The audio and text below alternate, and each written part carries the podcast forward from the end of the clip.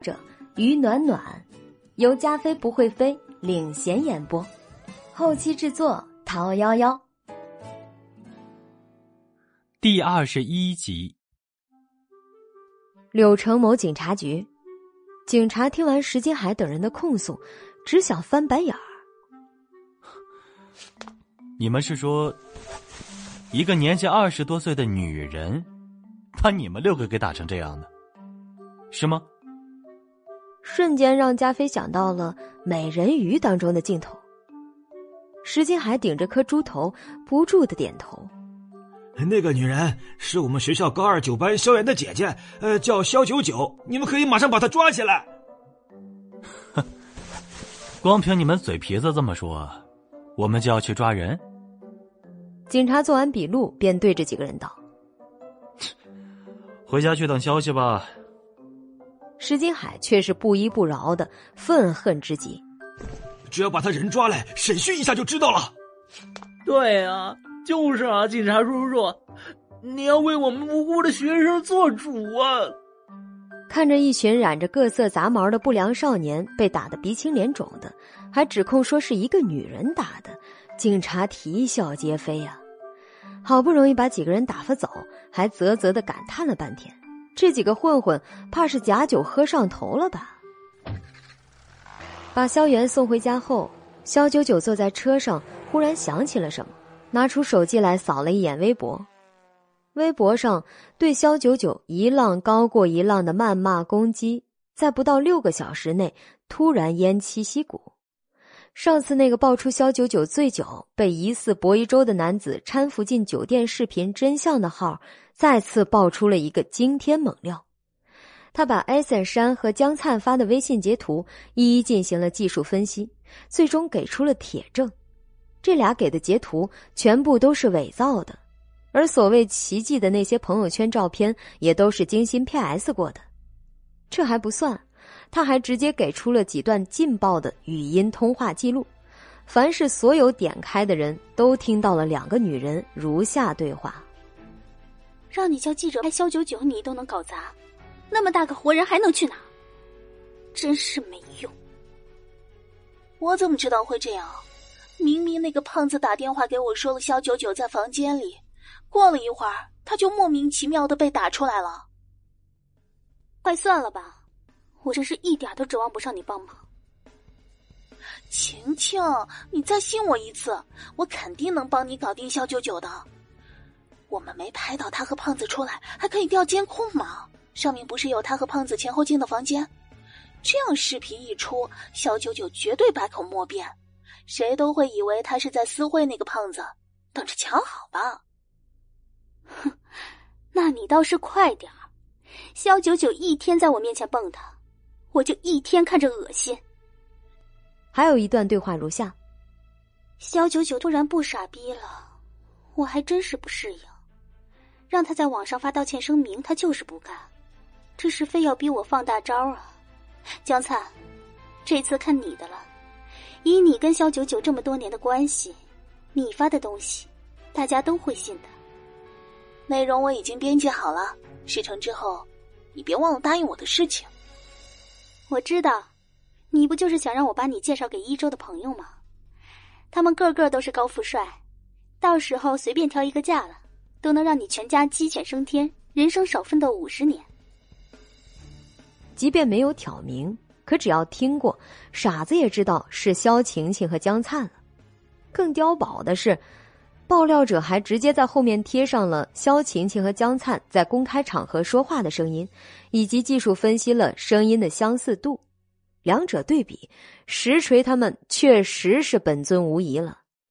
吃瓜群众无不震惊感叹。佩服加愤怒，实锤无疑了，这下不用再吵得昏天黑地了，什么黑粉白粉的都无话可说了。原来我们一直在被萧晴晴和江灿这对碧池牵着鼻子走，真想把我的高跟鞋脱下来扔他们一脸。萧晴晴这个扑街货，还没出道就搞出这档子事儿，我一周还一直护着她，估计也不是什么好东西。原谅我的粗浅跟风，信错人了。现在郑重的向肖九九道歉，嗯，还来得及吧？于是，在百万网友推波助澜下，向肖九九道歉这个话题一跃成为热搜榜第二，榜一则是肖晴晴、江灿联合陷害肖九九，而榜单前十中至少还有三条跟这一事件有关。整个过程几经反转，至此算是真相大白了。肖九九的手机很快被打爆，经纪人妙姐带着激动的颤音说道：“肖九九，你这下真的是要火了！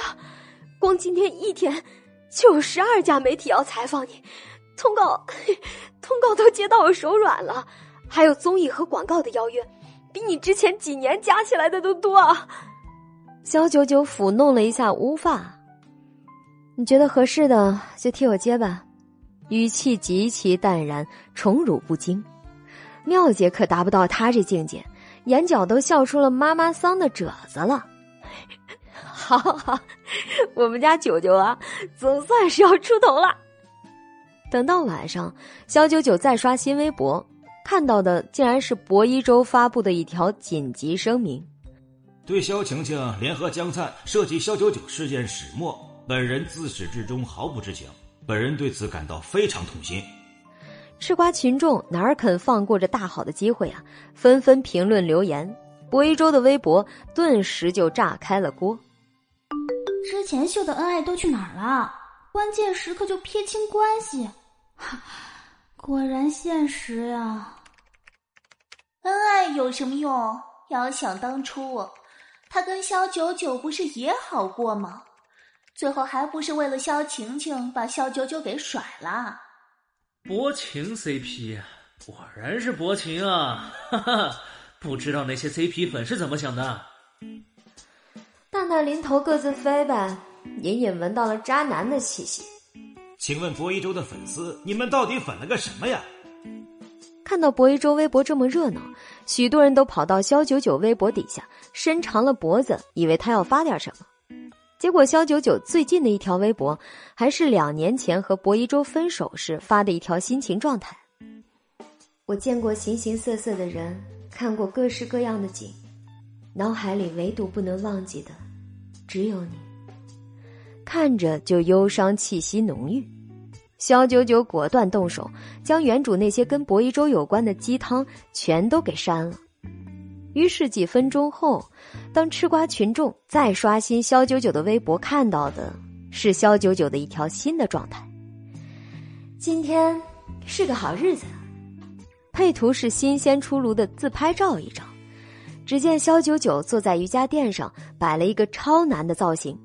照片中的他秀发如墨，脸上未施粉黛，却已是出尘决绝。顿时，吃瓜群众就被惊到了。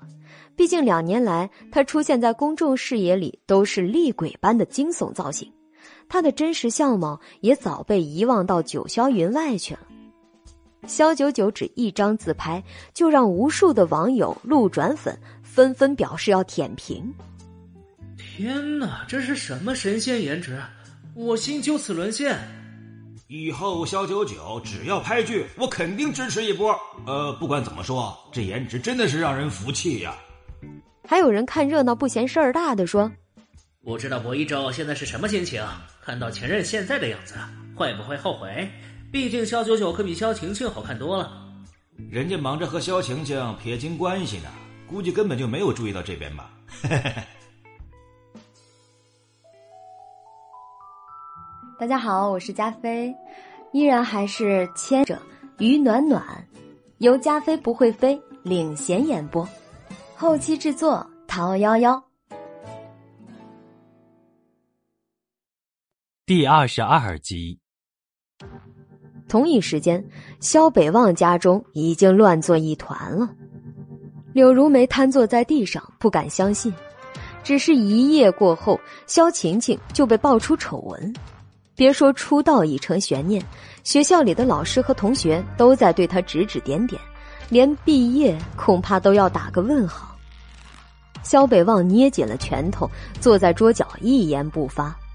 柳如梅开始抹眼泪，都怪萧九九，怪他？你们自己做的恶，还怪别人不够愚蠢，没有上钩是吗？肖北望说完，脑子里忽然想起来肖九九前天对他说的那句话：“你们每个人所做的恶，会得到各自的报应。”仿佛是高高在上的神在宣判着他们的命运一般。当时他对肖九九极其厌弃，看一眼都嫌烦。现在回想起来，他这句话竟已在肖晴晴的身上应验，这让他有些不寒而栗。而肖晴晴眼看着自己千夫所指，事情也毫无回旋余地，便只能牢牢抱住薄一中，不停的给他打电话。一周哥，事情不是你想象的那样的。我真的是被冤枉的。肖晴晴在电话里哭得几乎要晕过去，可薄一舟却异乎寻常的冷静，似乎得了什么高人指点一般。我只问一句，那个录音是不是真的？录音，经过专业技术比对，已经被实锤是他本人，他再做争辩也是徒劳。肖晴晴。当初在帝景酒店里面，九九喝醉了，是你打电话说江灿会来照顾他，所以我直接开车走了。后面那个胖子，你别告诉我是肖九九自己找来的。一周哥，我真的没有，我怎么会陷害我的姐姐呢？我虽然张口就来的否认，但面对铁证，肖晴晴也词穷，说不下去了。薄一舟便挂断了电话。萧晴晴瘫在床头，她费尽心思，好不容易抢来的男朋友，难道就此分手？萧晴晴对网上那个爆出猛料的人恨得咬牙切齿。究竟是谁这么多管闲事，要一再的帮助萧九九？如果不是这个人出手，萧九九早就已经人见人厌、不明一文了。可事实却是，本该萧九九享受的待遇。变成了他的，他不甘心，好不甘心。萧晴晴爬起来，抹掉眼泪，眼神变得阴沉，立刻打了电话跟江灿对峙。江灿，是不是你出卖的我？要不然网上怎么会有我们的语音通话记录？我这边早就把我们的聊天记录删得干干净净了。和薄一舟在一起的时候，他无时无刻不在小心着，不能让他发现任何的端倪。所以，和江灿的所有通话聊天、私底下谋划的一切，都被他事后立马清除的干干净净。而对江灿来说，保留这些记录却是他多的一个心眼儿。如果将来萧晴晴不兑现承诺，不给他介绍高富帅，这些记录毫无疑问的就是他捏在自己手里的把柄。事情到了这一步，还问这些有的没的干什么？江灿知道萧晴晴不会再兑现承诺了，索性也就撕破脸。江灿，你这个不要脸的东西！如果一周跟我分手，我也不会要你好过。萧晴晴最后的危险让江灿心里咯噔了一下，毕竟他家小门小户，爸妈都是厂里的普通工人，哪能跟萧晴晴那样的千金小姐相比？可转念一想。微博事件，自己也因此变得声名狼藉，还有什么好怕的？家里闹得鸡飞狗跳，萧远假装喝水上厕所，把每个人情况探听了一番以后，躲在自己的房间里，悄悄给萧九九发微信：“姐，我爸正生气呢，柳姨就坐那儿哭哭啼啼的，还有萧晴晴，她一直在给薄一舟打电话，好像是在求他原谅。”看到萧元发的这信息，一股卧底的味道，萧九九不禁失笑。怎么，你现在不抱萧晴晴大腿了？不是说你只有她一个姐，以后唯萧晴晴马首是瞻吗？那一晚，萧元狗腿的跟在萧晴晴身后，捶背按摩、巴结不停的样子，还印在萧九九的脑海里。自家弟弟混到跟外人屁股后边转，可真是够了。萧元看到他发的信息，也不好意思起来，挠挠头，才回复道：“我那是被金钱蒙蔽了双眼，谁让老爸是用学费说事儿？我总不能断了学业，拿不着毕业证吧？”萧九九点点头，回道：“以后钱的事情我会帮你，你专心学习，不要再跟石金海那样的人搅到一起。家里的事情你也少管，免得沾惹一身腥。”姐，我知道你现在也没什么钱。你放心，我不会让你太为难的。我已经找了两份兼职，能自己挣够学费和生活费的，以后你就不用为我操心了。萧元仿佛一夜间长大，或者说是顿悟了。也许是萧九九那两巴掌真的把他打醒了，又或者是萧九九替他出了头，让他自信感爆棚。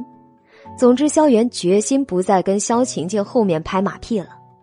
明明是萧家唯一的儿子，却混得还不如下人，下人还按月领薪水呢。萧元却每当要交学费，都要低三下四的到处求人。萧九九很替他感到心酸，同时又有些欣慰，总算是孺子可教。接下来的一两天，萧九九的手机整天就没停过。任洪川的、妙姐的、萧北望，甚至连薄一舟都对他连番进行轰炸。他选择性的接听了些电话后，觉得还不如去公司消停点儿。那多如牛毛的通告也该是时候接一接了。以后萧元的学费、生活费他包下，外公任洪川的公司财政赤字也不是一两天，这些都是要用钱的地方。挣钱是萧九九现在最大的爱好。顾金飞坐在办公室，听完文杰斯的例行报告，再看看微博上肖九九那居高不下的热度，若有所思的沉默了许久。先生，网上有高手在帮咱们少奶奶呀！啊，要不是这个人前前后后出手，爆出视频录音，少奶奶恐怕根本就不是肖晴晴他们的对手啊！想洗白是难了。肖九九的瓜一个接一个，文杰斯除了震惊。最好奇的就是哪个网上帮助肖九九反击的高手，那些猛料没有点手段是根本不可能拿到手的。这个人应该是个黑客，而且水平非常高超。顾金飞也对这个黑客很感兴趣，然而也对他的身份颇为忌惮。平白无故的，为何要如此帮他？大概是少奶奶的粉丝吧，为了保护自己的爱豆，做这些事情很正常。如果是他的粉丝，这个粉丝也太……顾金飞没有说完，想到他能隔着网络黑进帝景酒店监控系统，又盗取了江灿手机上的语音通话记录，这样的手段未免太过害人了。只要他愿意出手，这个世界上恐怕没有能瞒得住的秘密。文杰斯，你让安全技术部调几个专家，我要弄清楚这个人到底是什么来头。虽然他一直在帮助肖九九，但是藏在深不可测的网络里，这点让他无法不在意。文杰斯点头，正要出去安排，忽然又折了回来。还有一件事情，我们安排保护少奶奶那个保镖说呀，少奶奶前两天呢在二中门口跟混混约架，把对方六个人给干趴了。您看，我们要不要做另外的安排啊？文杰斯意味深长的看了自家先生一眼。少奶奶身手如此了得，哪里需要保镖来保护了？她不在外边打人，那就已经算是很好的了。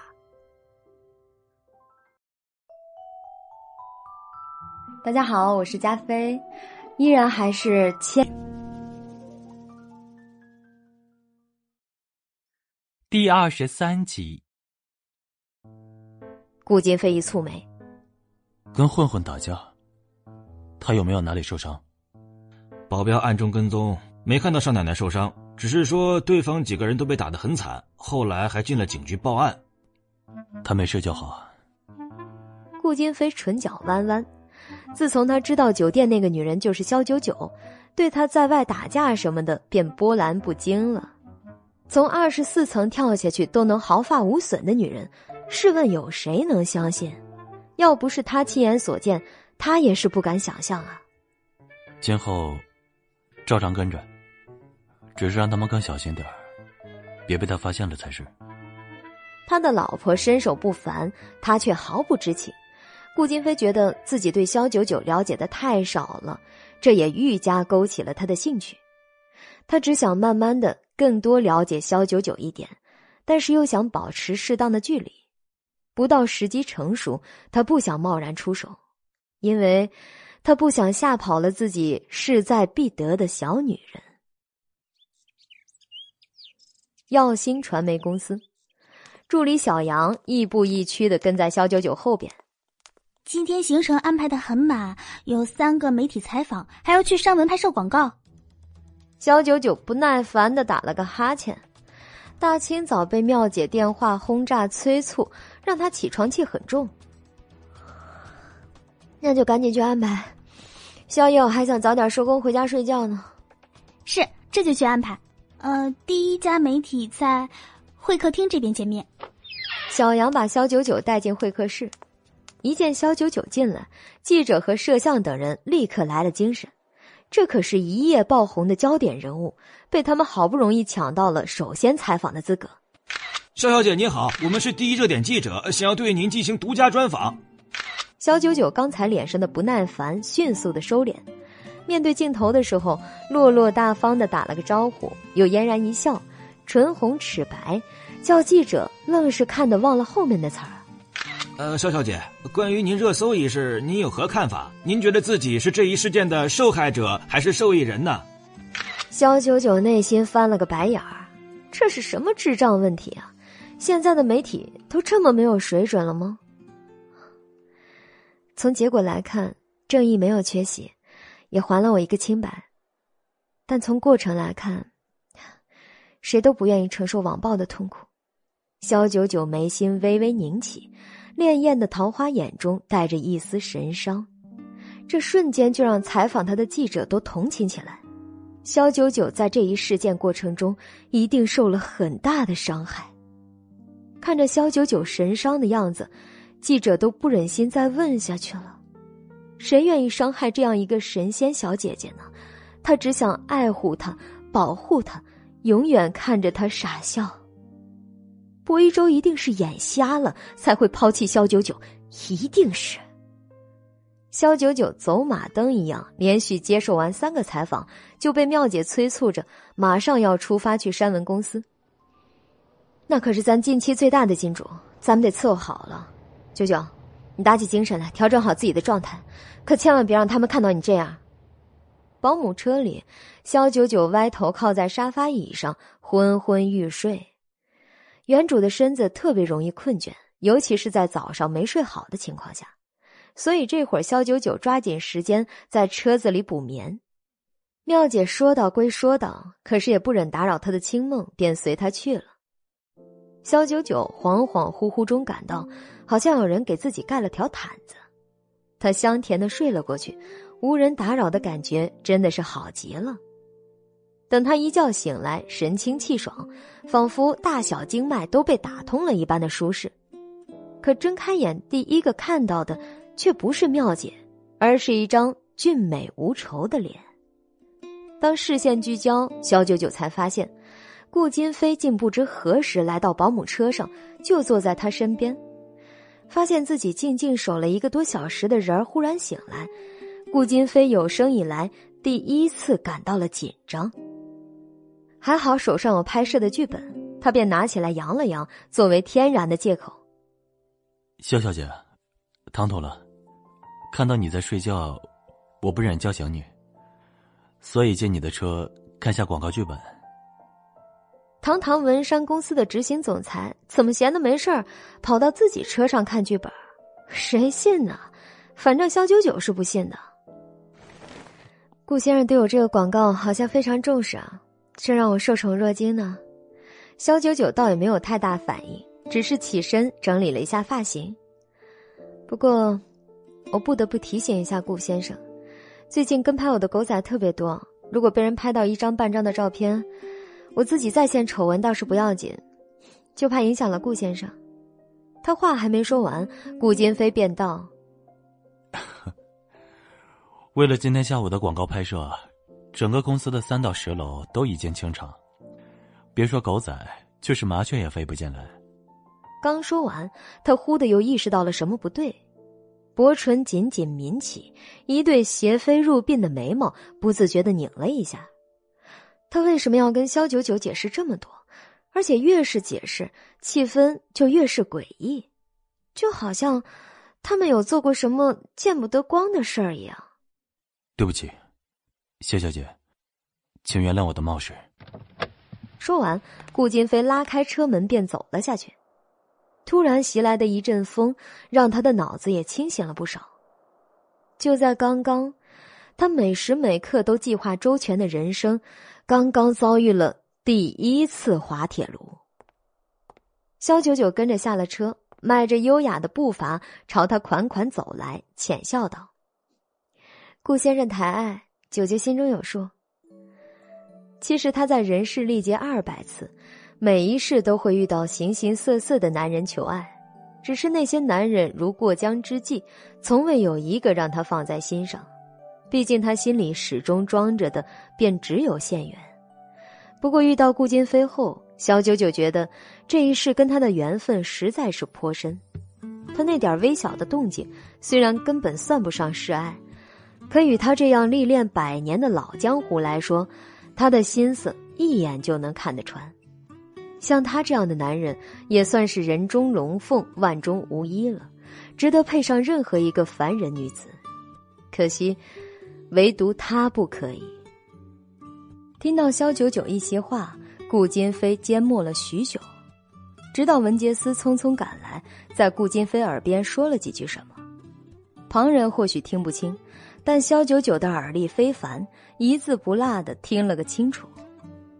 先生，您下午的行程很赶，一会儿三点还有一个视频会议，现在可以动身了。萧九九唇角微抬，原来顾金飞看似的闲都是硬挤出来的，他的行程也许比他排的更满吧。会议取消，改天再议。顾金飞却是不动声色的应道：“这。”文杰斯瞠目结舌，自家先生这是魔怔了吧？下午的行程好久之前就定好了，这让他如何跟对方交代啊？但是，一看到肖九九站在眼前，他又释然了。是了，先生什么都不缺，唯独缺个实至名归的少奶奶。于是，文杰斯便朝着肖九九微微躬身，退了下去。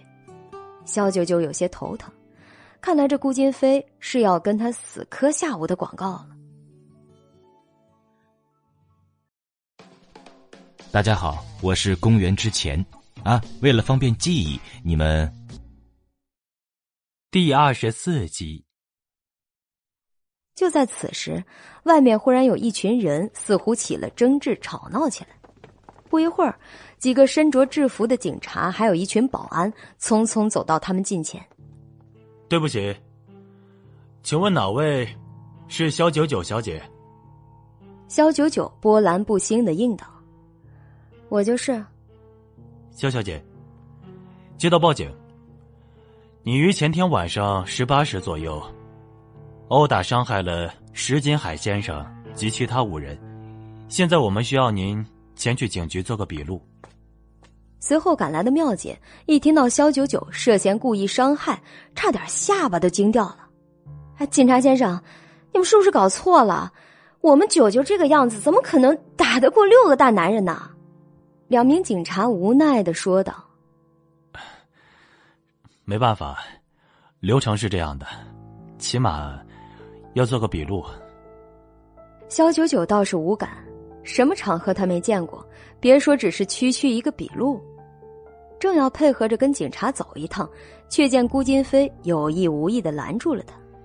嗯，做笔录是有些耽误广告的拍摄行程哈。于是他抱歉的对顾金飞道：“不好意思啊，顾先生，我想我不得不走一趟了。”顾金飞的眼神灼灼，嗓音却醇厚的如同不加糖的摩卡咖啡。不急，我倒是不急，但是这两位警察同志明显是有点急啊。警察当然也答应不了。这位先生，不管您什么身份，什么理由。都不能妨碍我们执行公务。顾金飞却是纹丝不动的杵在原地，仿佛一块人肉挡板。肖小姐跟我们有合约，我也有义务按照约定，来保持广告拍摄进度。义正言辞，理由充分。警察正要说些什么，忽然其中一人手机响了起来。他接起电话，没过半分钟，表情便肃然起敬。再看顾金飞的时候，多了一丝不易察觉的尴尬。呃，这件事情似乎有些误会。我们郑重向顾先生和肖小姐道歉。虽说是要带走肖九九，可是他们却格外强调了“顾先生”三个字，这倒是出乎肖九九的意外。这不过几分钟的时间里发生了什么？直到他看到不远处文杰斯正站在玻璃门后面，手里拿着手机，似乎还在跟什么人打电话，眼睛则是持续关注着他这边的情况。肖九九顿时明白了，文杰斯刚才并未走远，警察一来，顾金飞便挡在了中间。作为资深特助，他随即就明白了自家老板的用意，一个电话打到相关人士那儿，这两个小片警接到了上头的通知。深知顾金飞身份不简单，赶紧称这件事儿是个误会。哎呀，好腐败啊！闻起来满满的都是金钱的气息。不过，肖九九喜欢。片警走后，肖九九主动催着删文的人赶紧开始拍摄进程。整个过程中，顾金飞都像是个场外工作人员一样，远远的看着，眼睛却是时刻不离肖九九的身上。数个小时过去，肖九九本想亲自感谢一下顾金飞为他解决了片警的追查。虽说这事儿如果他亲自动手也不是什么问题，可顾金飞做了，却让他心里感觉欠了他什么。肖九九这样的讲究人是绝不可能欠任何人一毛钱的人情的。可是当助理小杨已经在收拾他的物品，片场人都三三两两，所剩无几，他也没看到顾金飞的影子。肖九九转念一想，也是，人家一个执行总裁哪有那么多时间陪着呀？那就改天吧，改天找个机会亲自把这笔人情还给他就好了。石金海从医院出来，身上打满了石膏和绷带，远远看上去活像个木乃伊。几个跟班也跟他差不多惨烈，六个人浩浩荡荡的走在街上。情形别提有多滑稽了。妈的，那个臭娘们到底什么来路啊？派出所的人竟然说这个案子是个误会，跟他没关系。妈的，糊弄谁呢？本来呢，他老爹看到他被打成这样，心疼的二话不说就去找人，发誓要全程搜捕肖九九，势必让他当面给自己儿子下跪求饶不可。可自从派出所来了消息，这件案子不了了之，这石金海就不乐意了。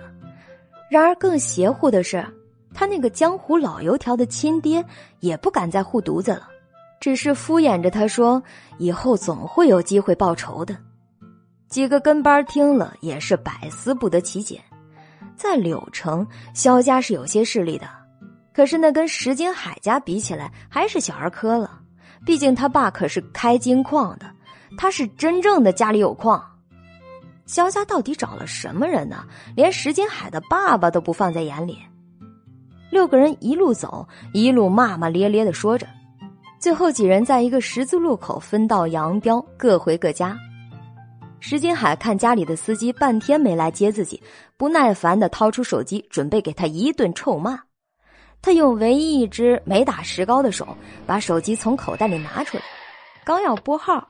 突然看到面前一辆加长林肯停了下来，车门打开，几个穿黑西装的保镖下车，不由分说的把他请了上去。石金海一开始还以为是他爸为了安慰他换了辆新车，可眼看着保镖不由分说给他嘴上贴了黑胶布，他这才明白，我靠，自己这是被绑架了。车开到离市中心很远的郊外。石金海被粗暴的从车上扔下来，随后便是他人生中的至暗时刻。本就被肖九九打得半死不活的他，又被数名保镖轮番暴揍。打完，车上一名穿着不同的湖蓝色西装、打着黄条纹领带、看上去很优雅、很有范儿的男人，做了个抹脖子的手势。石金海看见保镖掏出了家伙朝自己走过来，手起刀落，他吓得直接晕了过去。肖九九结束了一天的工作，回到家里，佣人已经为他放好了洗澡水，泡在偌大的浴缸里，喝着红酒，听着老式唱片机播放的爵士乐，肖九九眯着眼睛，微抬着头，这感觉还真不赖。活在人间，到底还是跟天上不同，到处都是金钱的腐朽气息啊！想到钱，他的眼睛倏然睁开，脑海里划过一个人影——顾金飞。他马上拿出手机，打开微信。上一次工作的时候，就和顾金飞互加过微信，只不过从来没有联系过。打开他的微信一看，肖九九不由眉心微蹙。微信头像是海滩风景照，昵称叫 True Love。他的朋友圈里什么都没有，干净的像个假号。老年人还偶尔发一两条鸡汤呢，他却什么都没有。这让肖九九连窥视的兴趣都没了，直接打开对话框，输入了一条信息：“顾先生，今天多谢您的照顾，那件事应该需要不少钱打点吧？这钱不能让您来出。”肖九九直接微信转账给他十五万，钱嘛，自然用的是他那个素前演播第二十五集。灯光昏暗的 KTV 包房里，唐诺一边搂着一名美女，正对着话筒高唱《小冤家》。小冤家，你干嘛像个傻瓜？我问话，为什么你不回答？你说过爱着我是真是假？唱到高潮处，两个美女热烈鼓掌，捧场到不行。而唐诺则雨露均沾的在两人的脸颊上各亲了一口。我唐诺就是跟那些二世祖不一样，我喜欢高雅的经典老歌这说明我的品味就是高，对吧，宝贝儿？两个美女不假思索的点头称是，身后坐在沙发上的顾金飞则冷淡的瞄了他一眼。一回国就要到 KTV 里找妞的人，果然是高雅。虽然音乐声够大，顾金飞的声音却是低沉有力，能恰到好处的撞进每个人的耳朵里。唐诺一听，回头哀怨的看着他道：“顾二少，人家刚回国，你能不能给点面子？再说了，食色性也，大男人活一辈子不沾酒色，岂不是白活？”刚说完，他突然意识到了什么，连忙捂嘴，美女也不香了。赶紧推开，起身跟顾金飞道歉：“哎，对对不起，二少，我不是那个意思。”顾金飞可是他们圈子里出了名的不近女色，这么些年，不管在任何场合，他的身边永远不会有女人陪伴。虽然在唐诺看来这是在暴殄天物，可是时间久了，他也就习惯了。顾金飞面色不改，冷然沉稳，甚至坐姿都没变。只是薄唇微扯开，吐出两字：“无妨。”唐诺拍拍胸口，吓死他七舅姥爷了。顾二少除了不近女色，还有一点特别出名，那便是喜怒多变。前一秒可能还平静如水，后一秒指头一挥，对方尸体已经躺在脚下。刚才要不是他反应快，现在说不定黄土都埋到胸口了。多谢顾二少不杀之恩。此时，顾金飞的手机忽然震动了数下，他拿起一看，原本不起波澜的双眸忽的被什么给点亮了，一下子来了精神。肖九九终于给他发信息了，可是他却给他转了十五万作为答谢。与此同时，他手机接到了提示，显示自己的黑卡消费十五万。顾金飞不由得唇角上扬，肖九九用起他的卡来越来越不加收敛了。他倒是不介意，只是没想到这钱转眼间从他的左口袋进了右口袋。我还在想，肖小姐也许要在手机上跟我做一辈子熟悉的陌生人，没想到第一条消息就让顾某印象深刻。他并没有点接受，这倒让肖九九感觉难办了。直接给他钱，他不要，这几乎是一定的。毕竟山文公司的执行总裁不差这点钱，但他确实又急于还这笔人情债。他不想把时间拖久了，让他们之间陷入某种奇怪的关系中。他跟他不过是工作往来，有过数面之缘，但不代表着他要在私事上如此帮他吧。顾先生，这是九九的私事儿，这笔钱你必须要收下，否则九九改天会用自己的方式还给你。顾金飞方才还愉悦的脸色又失望的沉了下来，他对他的一点帮助都非常的计较，明显不想和他扯上任何工作之外的关系。我之所以帮助肖小姐，完全是出于工作需要，解决了你的私事。才不会耽误拍摄进度。至于这钱呢，就算在报酬之内，你不用还我了。唐诺这会儿已经完全没有了个性，他就坐在顾金飞的身边，眼看着他那张万年冰山脸，一会儿神采飞扬，一会儿遍布阴霾，就算是六月的天气，都比不上他脸上的表情变换的快。唐诺不由得好奇，插了句嘴。啊，阿少，什么事能让你如此集中注意？看他沉浸其中，甚至忘了旁边有人的模样，唐诺感慨：“妈妈，您的儿子终于有出息了。”他竟然能见到顾金飞如此反常的一面。肖九九躺在浴缸里，泡到皮肤都软到快要脱落了，也没见到顾金飞答应收下这钱。嗯。这是非逼着他用别的办法还给他呀。这时，萧远给他发了语音过来：“姐，我刚得到一个大消息，你猜怎么着？石金海那家伙昨天晚上被人给收拾了。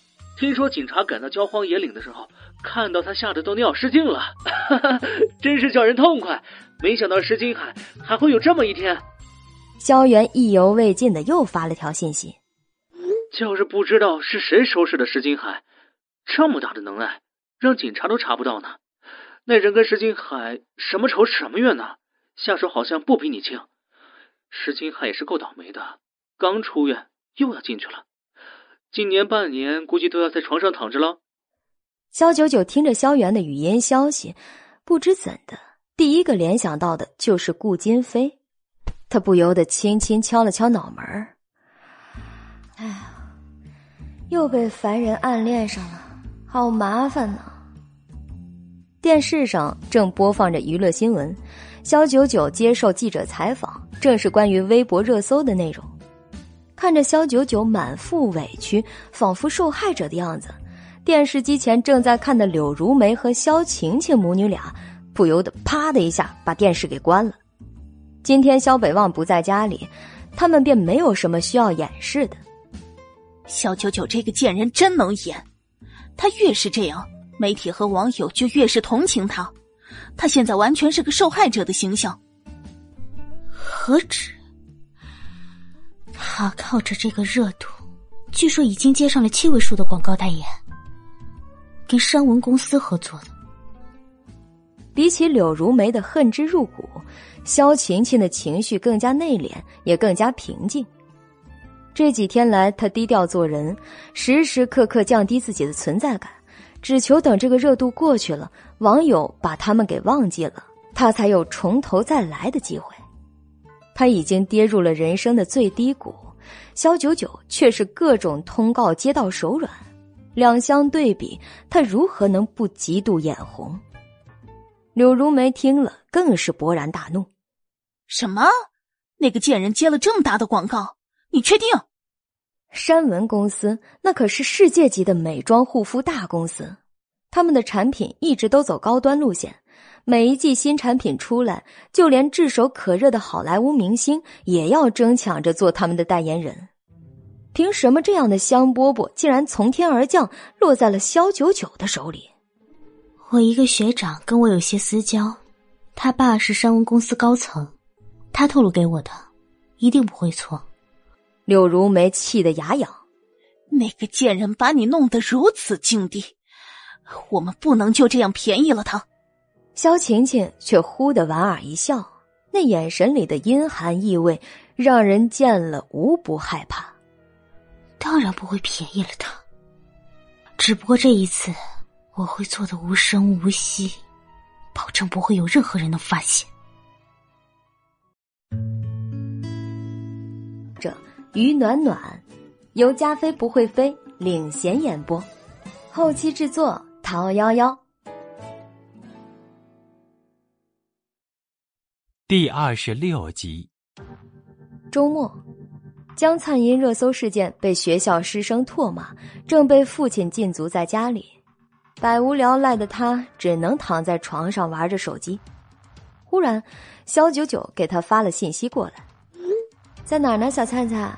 好久没见了，出来玩玩。”隔着屏幕，江灿自己都觉得尴尬，没想到肖九九竟然还没有将他拉黑。不过他厚颜惯了，就当个没事人似的回复了肖九九的消息：“在家呢，被爸爸关禁闭中。”不能出来陪你了，好可怜哦。现在的他已经跟肖晴晴撕破脸了，如果能挽回和萧九九的关系，倒也不失为一个好选择。虽然她不受萧北望的重视，也好歹是个千金小姐啊。而且他外公听说门路还多着呢。见他回的飞快又语气自然，就像彼此间毫无芥蒂。萧九九冷笑了一声，江灿这个人的不要脸程度。远超出他的想象啊！你不能出来，那我就去你家玩玩，如何？江灿看到肖九九发来的消息，愣了一会儿，眼珠子转了转。肖九九现在可是大红人呢，如果他到家里来做客，爸爸肯定会很欢迎、很客气，这样自然就解除了他的禁闭了。好，那你一会儿就来，我在家等你。看他不假思索的答应，肖九九轻蔑的勾唇。愚蠢的凡人，还不知道等待着自己的是什么。江灿在家翘首期盼，果然没过多久，家里门铃就响了起来。一看到肖九九，江灿就像等来了救星，把他迎进来后，就不住的诉苦抱怨：“舅舅，我该怎么办啊？我现在被学校停止检查，后面能不能去上班都难说。”我爸我妈成天把我关在家里，不让出门，我都快疯了。肖九九看着他自然而然的拉上自己的手，半晌不动声色的抽开，不知道为什么感觉有些膈应。你呢？肖九九故意问道。江灿脸上有些尴尬，却也没说什么。这时江爸江妈从房间出来，一看到肖九九，便满脸堆笑，客气非常。哎呀，这不是九九吗？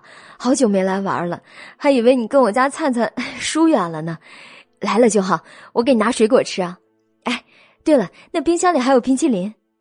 肖九九倒也没跟他客气，见啥吃啥，香草味的冰淇淋，一口气儿干了仨。九九，冰淇淋吃多了会肚子疼的，对女孩子不好。我给你倒点温水吧。江灿也起身，对肖九九殷勤的不得了。肖九九却把他拉住：“你别忙活了，坐下。我忘了和你说了，我约了个人来一起耍，不知道你会不会介意啊？”“谁？”江灿有些意外，没见过到别人家做客还不打招呼约个别人的。许正阳，江灿差点把自己的舌头给咬到，瞪着眼睛不可思议的问：“谁？”江爸江妈也很诧异：“许正阳。”那不是他们厂里车间主任的儿子吗？几个人还没有来得及说话，那头门铃就又响了。肖九九笑得狡黠，眼里都透着金光。他人来了，九九，我肚子忽然有点不舒服，要去上个厕所，你慢点啊，我失陪了。江灿站起身来，慌不择路的往卫生间走去，却被肖九九适时的一把拉住。肚子不舒服，忍忍就好了。许正阳都来了，你不见可不好吧？面对江爸江妈越来越疑惑的目光凝视，江灿几乎用蚊子哼一样的嗓音对肖九九道：“小九，你这是要干嘛？我不能见他，你又不是不知道。”肖九九却假装听不见，故意大声的重复道：“什么？为什么不能见许正阳啊？他不是你男朋友吗？”来看看你，很正常吧？江爸瞪大了眼睛，几乎是厉声质问着江灿：“他说的是真的吗？你和许正阳在谈恋爱？江家爸妈虽然都是出身寒门，在厂里做工，一个月也没多少薪水，但他们对独生女江灿要求却是极为的严苛，甚至于穿什么衣服、找什么对象，都要经过他们的允许才可以。这个许正阳虽然是车间主任的儿子，但性格顽劣，不学无术，高中都是靠砸钱来买通关系才勉强毕了业的。毕业以后就在社会上混迹。三天换个女朋友，私生活堪称糜烂。江爸早就警告江灿，绝不允许接近像许正阳那样的男人。此时，江妈已经开了门，却看到门外站着的并不止许正阳一个人，还有他的爸爸，也就是车间主任许小海。这下轮到江爸江妈凌乱了，怎么许小海也跟着来了呢？莫非？莫非是江灿惹了什么事儿？主任，您您怎么来了？哎呀，也不提前通知一声，这我们这这哎，这多不好意思啊！这江爸江妈看着家里简陋的陈设，脸色有些发红。可许小海脸色却像吃了死苍蝇一样，要多难看有多难看。一进门就指着江爸的脑袋吼道：“江爷，我看你是疯了吧！”自己做假账，还跟着把我拉下水。现在上面要彻查这件事情，我告诉你，别以为我完了，你就能捞着什么好。许小海近乎狂暴的状态，让所有人都吃了一惊，深感这件事不简单。江灿看着许正阳，对方却如同温鸡一样耷拉着脑袋，谁也没看。到到底是怎么回事啊？江妈试着让他们都冷静下来，从头捋清思路。这都要问你的宝贝闺女干了什么好事儿？许小海脸涨得通红，指着江灿说道。在江爸、江妈还有许小海等人的逼问下，江灿紧咬的唇终于不情愿的松口。原来，江野作为厂里的会计，为了给重病的母亲治病，私拿了厂里的一笔公款。后来没钱填补，只能在账面上做了文章。原本以为神不知鬼不觉的，却被车间主任许小海发现了。出人意料的是，他并没有举报或者开除江野，而是利用这个把柄要挟他继续做假账。只是钱款大部分都落进了许小海的私囊。原本这件事儿除了江野和许小海，其他人都不知道。可是有天，江野在家里酒后吐真言，江灿便知道其实他已经在暗中跟许正阳勾搭，不谈嫁娶，只为许正阳有两个钱儿，能满足他的虚荣心，给他买些名牌包包。这正中许正阳的下怀呀，两人各取所需。但是有天两人吵架了，江灿气愤之下，便把许小海胁迫江野做假账的事情说了出来。还警告许正阳，如果不知收敛，便要把这件事情捅到他们父母厂领导那儿。可是，我当时只是一时情绪上来说的气话而已，我真没打算这么做，更没有跟任何其他人说过。那个厂领导是怎么知道的呢？江灿哭得梨花带雨，说话也是哽哽咽咽。可是江野却是气得脸色直发青，完全没有同情他，当着许小海等人的面直接一巴掌甩到了江灿的脸上。你没说，那是鬼说给领导知道的，是吗？现在我们江家完了，你满意了？你这个不孝女，我强爷怎么会生出你这种东西？江灿一下被打懵了。大家好，我是加菲，依然还是千。第二十七集，许小海却并不因此就打算饶过他们，而是从鼻子底下一声冷哼：“哼，这件事儿我们是一条船上的蚂蚱，本来你不说我不说，此事永远没有人知道。谁知道你女儿竟然会这么聪明？江爷，我告诉你。”出了事儿，你们家谁也别想跑，特别是你女儿。江灿被吓得脸色惨白，浑身如筛糠一般，他求助的看向许正阳：“可许正阳却自始至终不敢抬头看他一眼。他不过只是个草包公子哥而已，出了天大的事儿，除了躲起来，那就是逃跑，哪里会想到保护女人呢？更何况江灿和他本来就是玩玩而已嘛。许小海把气撒完了，便带着许正阳头也不回的走了。不管江野在后面如何的乞求，他只当没听见一般，把门重重的一摔。肖九九看到江灿就像泄了气的皮球，瘫坐在地上，脸色惨白，神情恍惚，谁也不知道他在想什么。难道是在想这消息是怎么到厂领导那儿的？肖九九不露痕迹的轻笑。好戏看完了，他也该走了。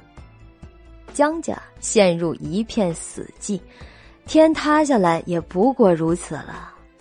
江家父母连肖九九是什么时候走的都没注意到。唯一可以肯定的是，江灿蓄谋了十几年的上位计划已经完全落空了。从此，上流圈子再也不会对他开放哪怕半点的缝隙。圈子里虽然不见得都是光彩的事儿。但江灿这样的猪队友一朝出名后，还是让他们后怕不已的。既然江灿是害死原主的直接元凶，落个这样的下场，便算是为原主报了仇了。得知肖九九在微博上彻底洗白，任洪川大喜过望，硬是要摆家宴为肖九九迎福。肖九九拗不过外公的盛情。一想到那外表粗糙的老头子可能会黯然落泪，他便狠不下这个心来。见他同意，任洪川便喜滋滋的将请帖发了出去。一开始，肖九九也没多想，以为请的都是人家的亲朋好友。谁料宴会的前一天，任洪川告诉他，他还请了顾二少，也就是他那个素昧平生却成功扯证的老公。肖九九向来怕麻烦。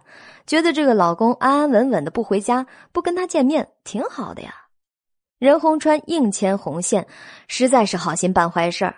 反正他这辈子也不可能真的喜欢上顾二少的。宴会当天，任洪川在自家的庄园里设宴十二桌，还请了柳城有名的西洋乐队来表演。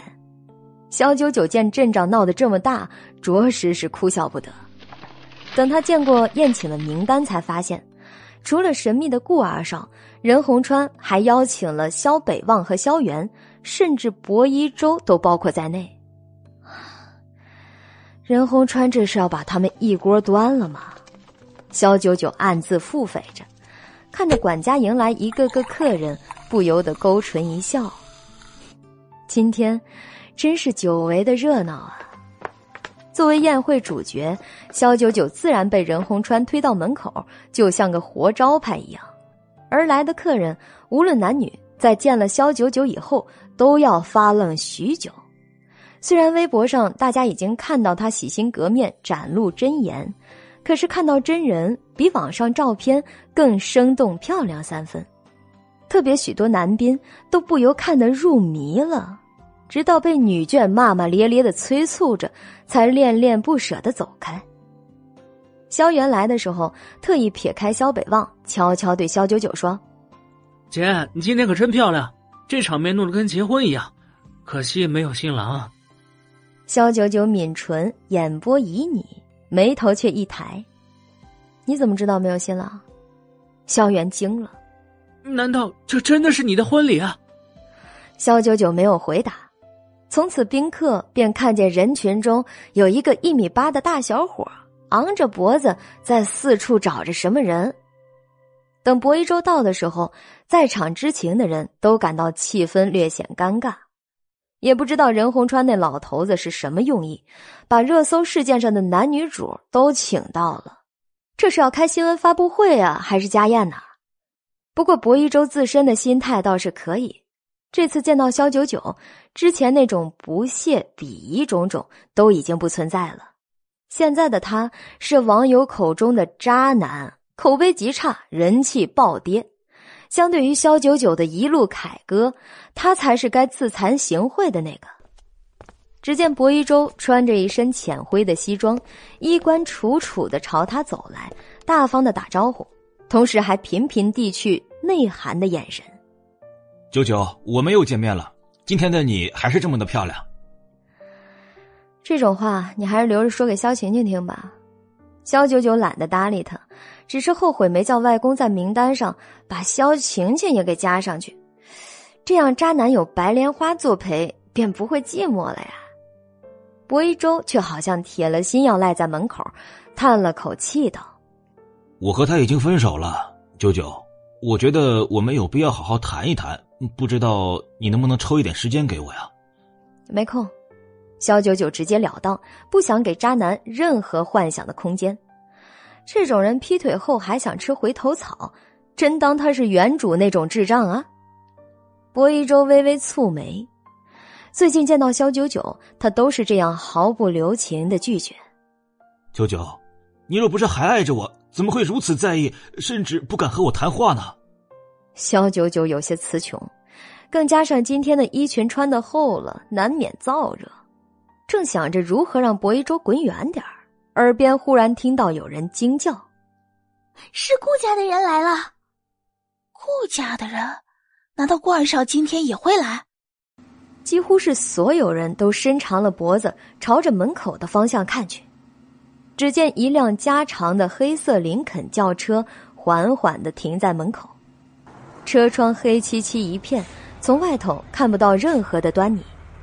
所有人都在屏息以待，肖九九也跟着看过去。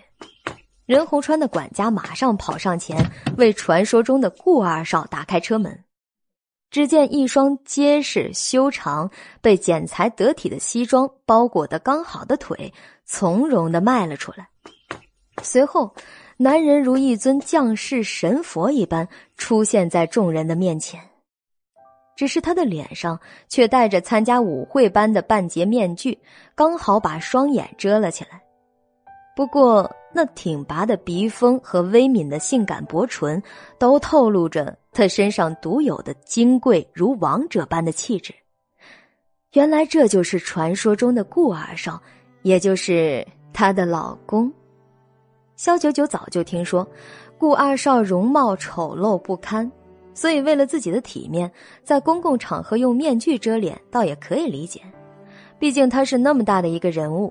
执掌整个顾氏集团，若是因相貌被人在背后议论，恐怕场面会非常的难看。就在肖九九也跟着看戏一般看得津津有味的时候，旁边任洪川杵了一下他胳膊，暗戳戳的说道：“那是你老公，还不快上去迎接？”萧九九微汗，这老爷子无时不刻的都在拉红线，实在是太执着了。这老头上辈子不会是月老吧？他们不会在天上就认识吧？但架不住自己是宴会主角啊！即便大家都不知道顾二少和他的关系，于情于理，他也是要上前意思一下的。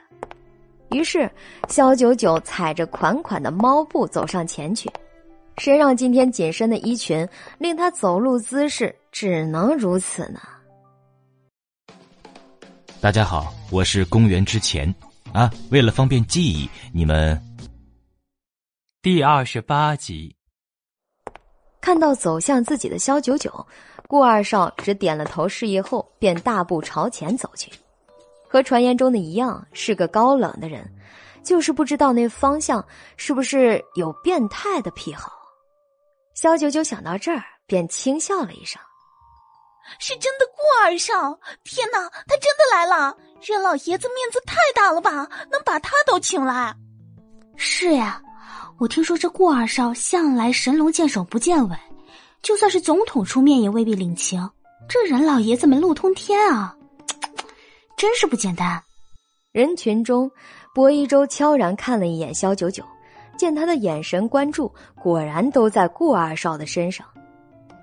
我听人说，这位顾二少换女人就像是换衣服一样随便，而且还很喜欢折磨自己的女伴。就算是他富可敌国又如何呢？全柳城都没有一个女人敢嫁给他呀！本来在顾二少面前，薄一舟那点家世可真是完全没眼看，但他自信呢，自信自己的相貌定然远在顾金飞之上。听到薄一舟对顾二少的讥讽，萧九九那原本上翘的嘴唇忽的抿起。顾二少好歹是他的隐婚老公，就算他不喜欢，也轮不到别人来诋毁。你还别说，我就喜欢顾二少这种类型的，够刺激。萧九九说罢，抛下愕然许久回不过神儿的薄一舟，便翩然离开了。看着萧九九跟在顾二少的后面，薄一舟面上浮上一抹不悦。他一直以为萧九九对自己痴情不改。哪怕抛弃他，选择了萧晴晴，他也会永远爱着她，等着她。可是现在，数次的接触，数次在萧九九面前碰了一鼻子的灰，这是在和他恋爱时完全处于强势方的薄一舟完全想不到的。他暗中捏紧了拳头，胸中忽的涌起了一股愤懑。萧九九是他的，他可以不要他。但他想要抛下他另攀高枝儿，想都不要想。任洪川见萧九九主动和顾二少接触，在旁欣慰的点了点头。这一场宴会可不就是为了给他俩制造相处的机会吗？只要萧九九能跟顾二少在一起得到幸福，不管让他付出什么代价，他都愿意。想到这儿，任鸿川的脸上情不自禁的浮现笑意。为了让他们自然相处，在宴会过后，任鸿川还颇费了些心思，让萧九九带着顾二少逛一逛他的庄园。萧九九斜睨某位动机不要太明显的老头外公，作为东道主，不是应该由您来陪顾二少吗？任鸿川连连摇头。哎呀，外公年纪大了，身子骨不太灵了，走一会儿就要休息好久。怕影响了顾少的雅兴啊！祖孙二人正在咬耳朵，某少爷面色沉冷的出声：“萧小姐，就这么不愿陪我？”见人家顾二少都点名了，萧九九没法，只能露出一个职业的微笑：“怎么会呢？我这不是怕没有外公那么了解，不能很好的为顾二少带路吗？”萧九九做了个手势，笑得云淡风轻。顾二少这边请。他走在前面，和顾二少始终保持半米的距离。神秘老公从天而降，这还是他俩头一次见面。按道理来说呢，萧九九应该有点小激动，可事实却是，他对顾二少的神秘完全没有一点兴趣。在庄园里走了半个小时，路过一大片任鸿川亲自栽种的山茶花园，顾二少提议坐下来休息一会儿，萧九九便答应了。立刻有佣人为他们沏上上好的普洱茶，闻着花香品茗，萧九九很是惬意。隔着面具，顾二少却在悄悄的观察着他。不管是以什么身份和他相处，他从来不会露怯。总是落落大方，无论在哪儿都是自己主场的感觉。一阵风把花香吹来，萧九九一头墨染般的秀发随之飘扬。顾二少心思忽的一动，只见他把灰色茶杯放在白色的小圆桌上，目视前方，嗓音宛如大提琴的尾音，带着微颤的磁性。萧小姐。是否觉得我们的形式婚姻对你来说是个极大的束缚？不，不束缚。萧九九也放下茶盅，唇角弯弯，一双黑白分明的大眼中闪闪发亮。不只是外公在推波助澜，顾二少也很想找个机会跟他独处。至于目的，自然是探查一下自己的口风，对这桩婚姻的满意度如何了。恰恰相反，我很感谢顾少为我提供的环境，还给了我极大的自由。有别墅，有豪车，有无限金额的黑卡，这些便利条件为他今后的起飞无疑提供了莫大的帮助。除了行婚的顾二少，恐怕再也找不到这样的冤大头了吧？可我听说，萧小姐有自己的意中人，这桩婚姻并不是在你的意愿下达成的。难免有强人所难之嫌。顾二少意味深长的侧目，面具下那双黑曜石般的眸子依然冷漠不近人情，却因旁边的萧九九眼底有一抹融化的意味。萧九九桃花眼微微眯起，慢条斯理的正要回答，却看见薄一舟不知何时跑到了这边来。九九，我到处也找不到你，刚才我话还没有说完呢。看到渣男强行刷存在感，还是在顾二少的面前，肖九九面色不由得一垮。哈，真是人不要脸，天下无敌哈！薄先生，你是否患了阿尔兹海默症啊？建议你赶紧去医院检查一下，迟了这病就不好治了。肖九九嘴角勾起讽刺的弧度，状似认真的说道：“这让薄一舟很是不悦。”当着顾二少的面，他完全没考虑过给他面子。你你什么意思？他的嗓音微冷，却还是噙着僵硬的笑。意思就是，我刚才已经讲的很清楚明白，我们已经完了，请你不要再来纠缠我，这样只会显得你吃相太难看。萧九九一席话，让顾金飞不由多看了薄一舟一眼。他们之间的传闻他是知道的，可今天见了薄一舟，才对他的人品有了一个直观的了解。这样的人，九九怎么会看得上呢？还曾经对他痴缠不放，真不可想象。这根本就不像是他会做出来的事情。薄一舟一听，瞬间气结，但碍于顾金飞在，他不敢发作。他什么时候纠缠萧九九了？又什么时候求他复合了？就算他有那个意思，只要不说出来，萧九九根本连拒绝他的机会都没有。可现在，这女人竟信口雌黄的把他说成纠缠不放。全演播第二十九集，最终，薄一舟拂袖而去。萧九九暂时松了口气，被渣男纠缠的感觉，真心不咋地啊。而顾金飞也把他的反应都看在眼里，无论如何都很难相信，他和薄一舟真的曾经相恋过，两个人的气场没有任何的可比性。这件事儿着实困惑了他好一阵子。就在薄一舟走后，不远处肖北望把刚刚发生的一切尽收眼底。从薄一舟进门开始，对萧九九的热乎劲儿就让他看得眼底直抽。这个姓薄的到底是墙头草啊，还是原本就没忘记萧九九呢？萧九九带着顾金飞在庄园里来来回回的兜了足有两圈，实在感觉没什么可逛的了，才跟顾金飞一起走了回去。任洪川看到两人一起，兴奋之情溢于言表。就好像刚把萧九九卖了，正等着数钱一样。直到听说顾金飞有事要走了，才遗憾的舔舔唇。呃，顾二少今天能来，老夫始料未及啊。顾金飞别有深意的说道：“自然是有必须要来的理由。”任洪川像是接受到了某种信号。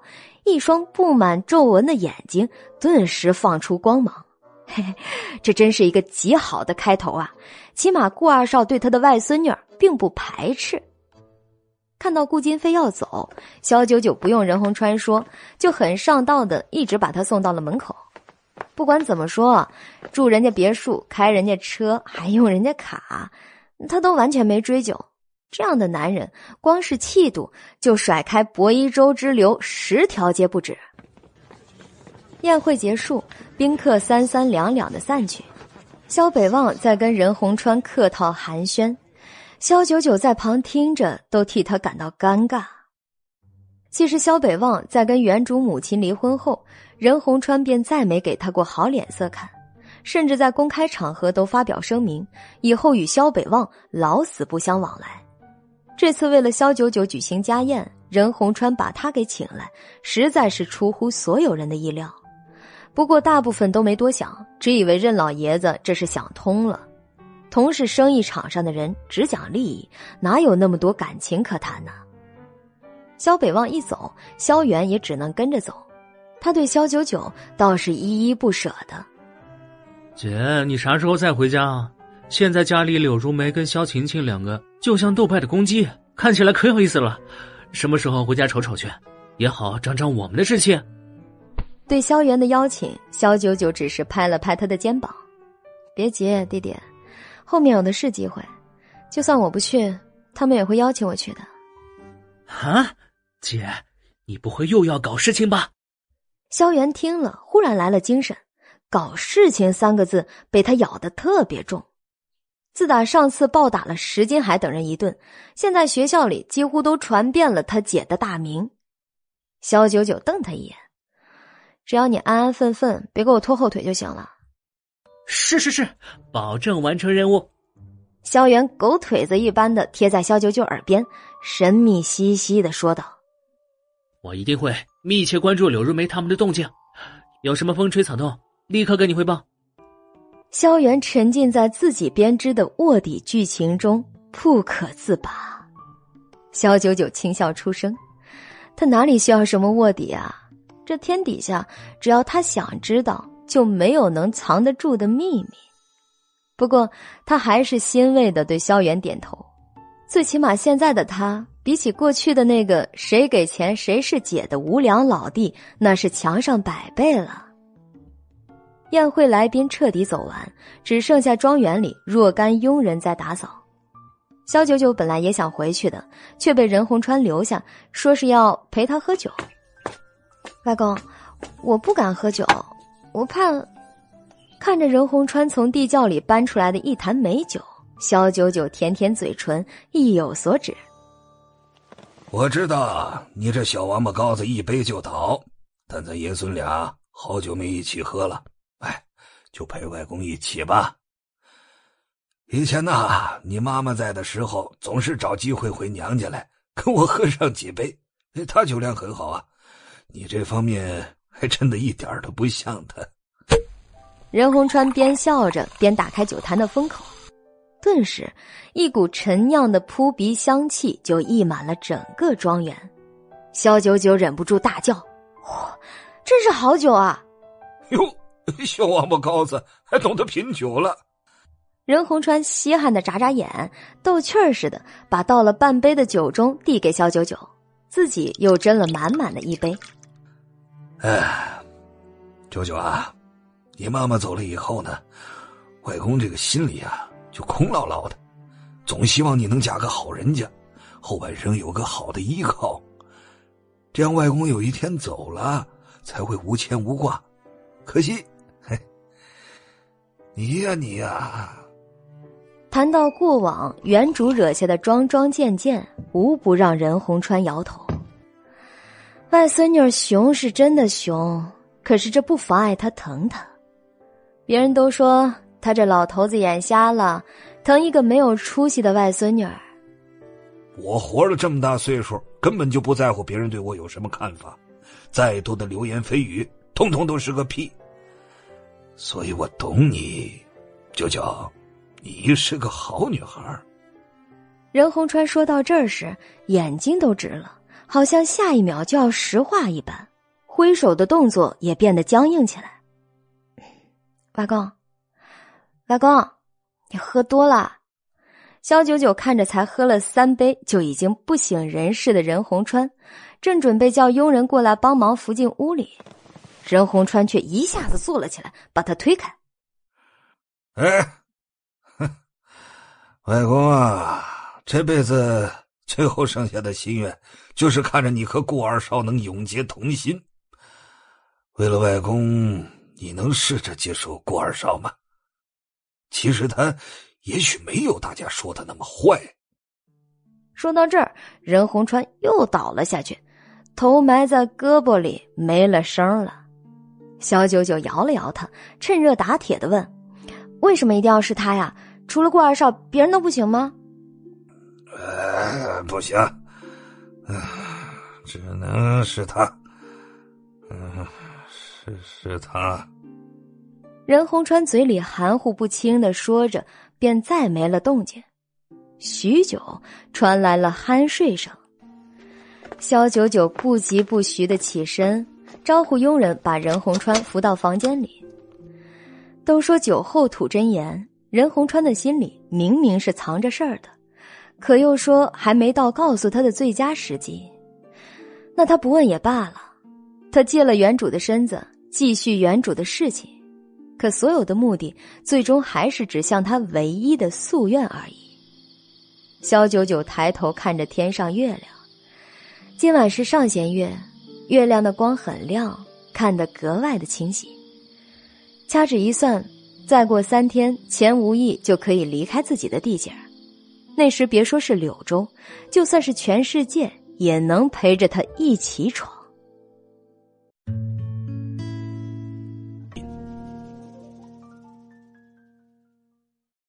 第三十集，肖九九耐心的等了三天，钱无义就像是闭关修炼终于出关之人，一踏出他那间茅舍，就忍不住仰天高呼：“我出来了，我终于出来了！以后没人再能管得住我，钱无义。”萧九九在旁吃着瓜子儿，喝着清茶，等了半晌，才悠然的说道：“钱爷。”那咱们可以出发了吗？为了这趟出门，他可是费了好大的功夫，才说服妙姐同意他请了一天假。后来怕要在山里过夜，又加了半天时间。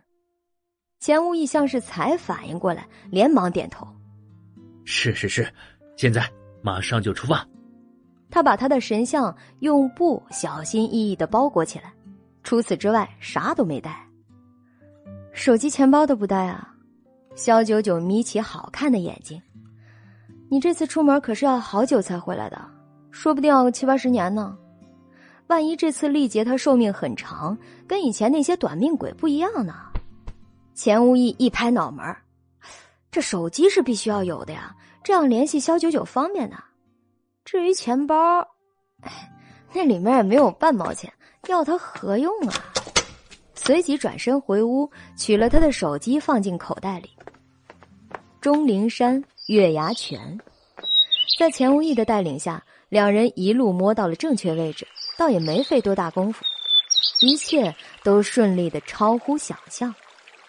看到那不停涌出的清澈泉水，萧九九躬身，与自身神识相互呼应，闭上眼睛，感应着县园的气息。大约五分钟后，他才睁开眼睛，看着他面无表情的样子。钱无义叹了口气：“啊，又是个炸弹吗？”老钱，以前我们找到的不是炸弹，就是微弱的气息。可这次，这次泉水中不停翻涌的县源的气息非常的浓厚，基本可以确定他仍旧在九州市地界，且近期不止一次的来过这里。萧九九眼中神采飞扬，好久不曾体验过这种极致的愉悦感了。千年来的寻找，总算是等到了今天。真的假的？钱物一听闻，也瞬间跳了起来，感动的他自己都想流泪了。萧九九寻找了二百世，他也赔了二百世。柳州地界变迁巨大，物是人非，可只有他俩。一年又一年，以不同的身份在这里重复出现，终于，终于能看到希望了，就像追了一辈子的动漫连载，终于要看到大结局了。真的，不过接下来的一个月，你要让手下都守在这儿，我估计县员还会再来，只要有一点消息，马上通知我。肖九九迅速在脑海中展开计划。此后一个月，他都要住在月牙泉附近才行。按道理，他应该直接在山里住的，才能尽快的跟县员见面。只是这具凡人的身体颇为羸弱，山里早晚寒露重，对他是个极大的考验。钱无义深深的吐出一口气，最后时刻，终于要来临了。随即，他点点头：“我马上就安排人手。”把整座钟灵山都给严密监控起来。萧九九见天色已晚，自己的身体情况又不方便在山中露宿，只能带着钱无义走了许久，回到来时的地方，再开车约一个小时才回到别墅。别墅里的佣人基本都睡下了，他们已经习惯了自家少奶奶神出鬼没的作息，所以深夜回来的肖九九并没有令任何人感到意外。直到，直到钱无义跟着下了车，守夜的佣人才逐渐睁开了已迷迷糊糊的双眼，随后眼睛瞪得斗大。我操！少奶奶带了个男人回来。那佣人看着周围，也没有别的人可以交流。只能苦苦的在内心纠结挣扎，啊怎么办呢？这么大的事儿，要不要报告给少爷知道啊？可是少奶奶对他们实在是太好了，前天才又给他们发了红包的。这是我在路上看到的乞丐，觉得可怜带回来，等明天让管家给他安排点事儿做。肖九九没想到钱无意把守夜的佣人能吓得半死。于是无比平静的说出了一个理由来。哈，少奶奶出门一趟，随随便便的就在马路上捡个男人回来，还是个乞丐。那佣人上下打量一番钱如意，穿着一身上个世纪的红色运动服，头发老长，随意的扎在脑门后，看起来不是个艺术家，那就确实只能是个乞丐了。好的，少奶奶。那我现在要不要给他安排个住处，再给他洗洗澡什么的？好在钱无义身上并没有想象中的馊味儿。小姐就摆摆手，不了，我亲自去安排就好。太晚了，你睡吧。比起困涩涩的佣人，肖九九的双眼有神的，就像是猫头鹰一样。那佣人也不敢多嘴，只能点点头，默默的看着肖九九把人带走了。到了房间里。肖九九大字形躺在床上，回味着今天找到月牙泉的瞬间自己的心情。老钱，你说我要是现在就见到县元，我该跟他说些什么？隔了几千年没见，县元，啊不，准确的说是他的转世，还会对自己有印象吗？钱无意在偌大的房间四处打量。终于找了个东南角的立柜，把自己的神像放在了上面。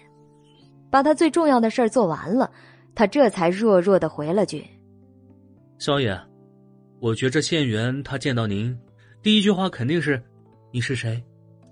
几千年过去了，县元又是个转世，按道理记忆早就被抹除了，能记得萧九九才怪啊！所有的感情还不得是靠萧九九从头开始培养？”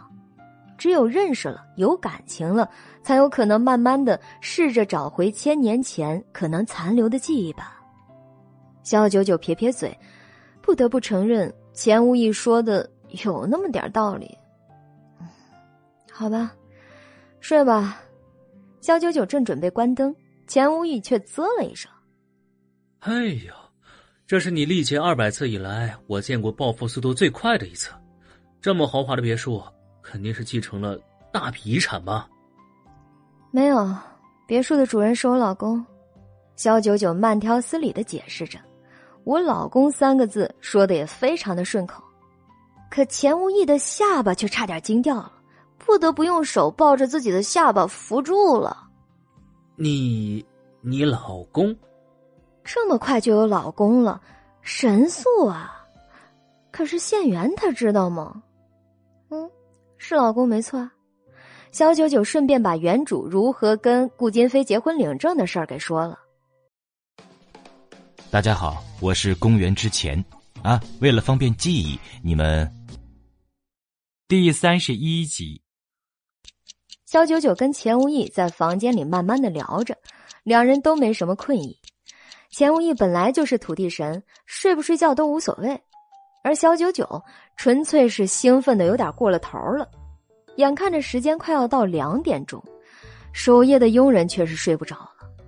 他并非不信任少奶奶，只是刚才关心一下，就悄咪咪的跟上去看了看情况。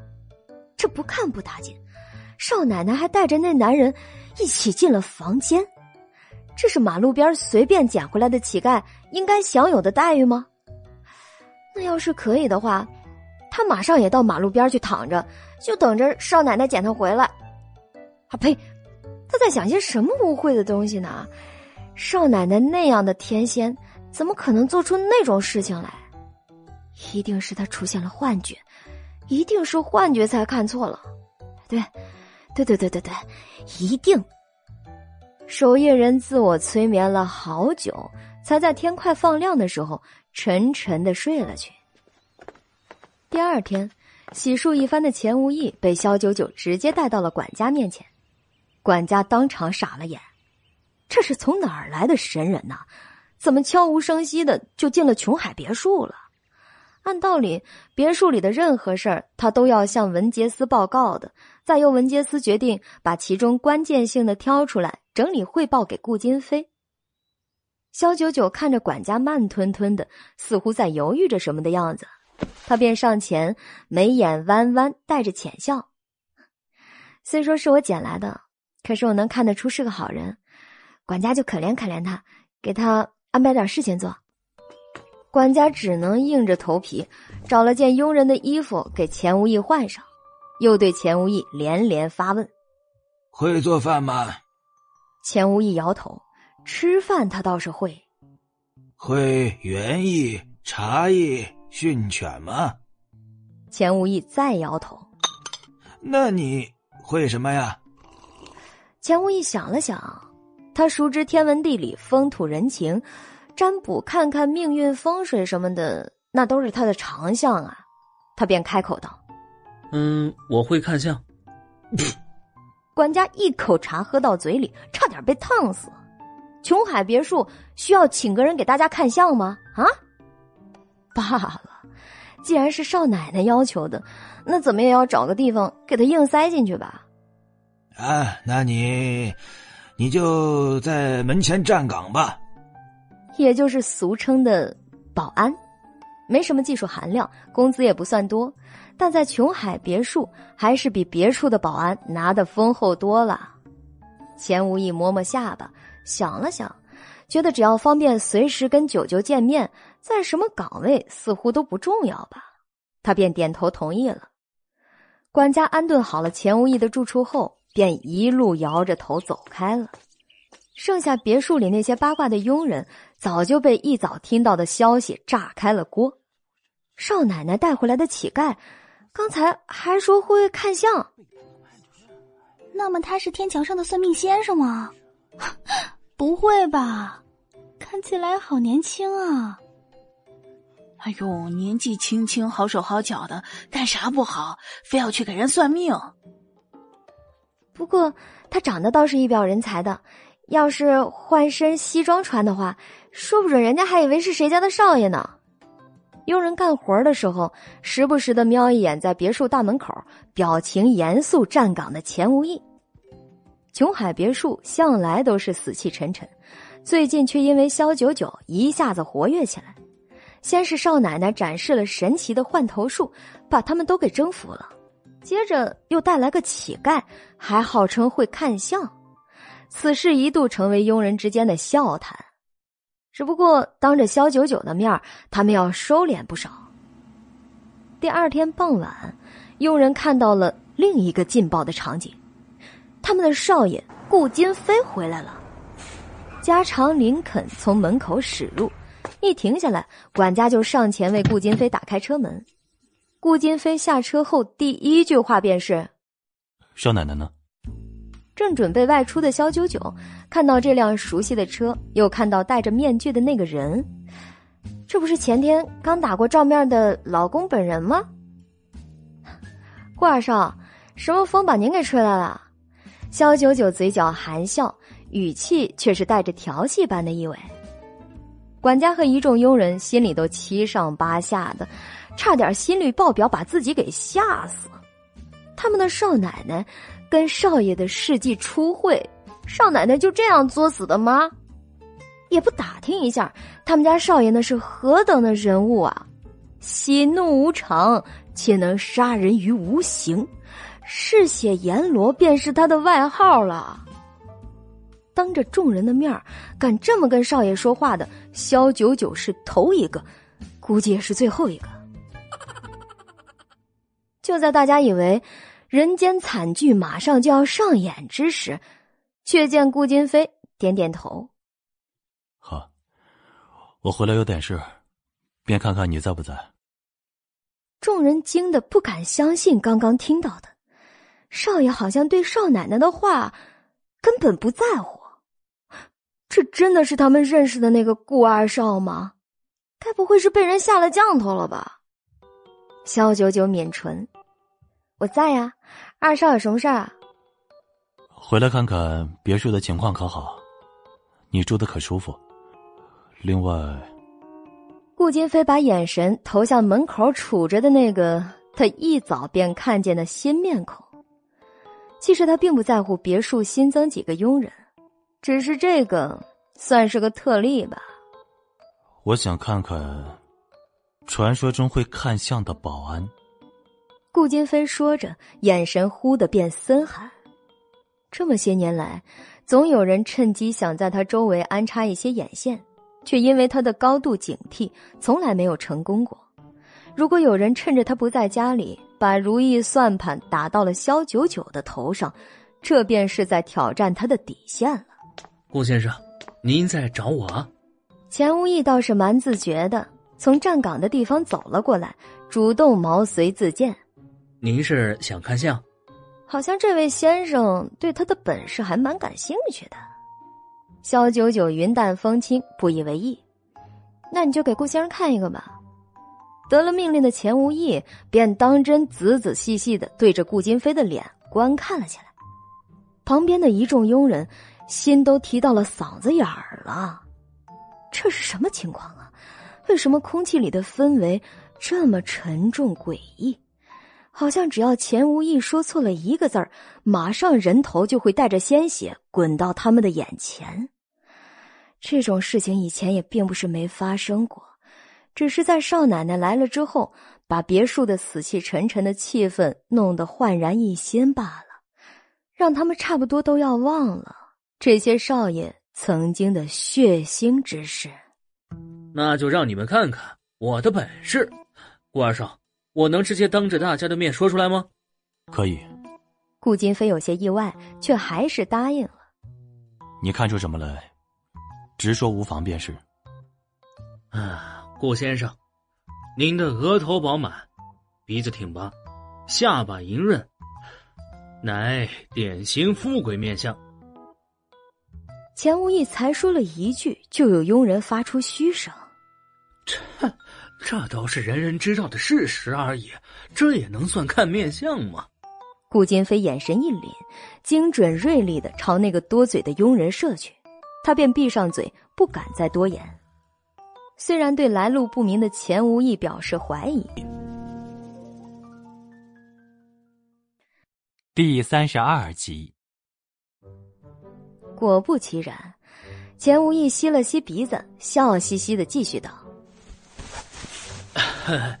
方才只是个大概，其实顾先生您面相上运气最近颇多坎坷，您的父母宫日角低陷，恐怕令尊已失去多年了；而您的月角暗沉且有黑气凝滞之象，恐怕令堂身染重疾，且有。”不治之相，放肆！竟敢在顾少面前胡说八道！钱无义还未说完，顾金飞的一名保镖听不下去了，上前就抓住他的衣领，把他给拎了起来。江湖术士也敢在顾少面前卖弄？琼海别墅的管家也是听得后怕不已。这少奶奶到底从哪儿捡这么个人呢？胆子忒大了，竟然说顾少的母亲活不长。他怕是自己小命都要保不住了吧？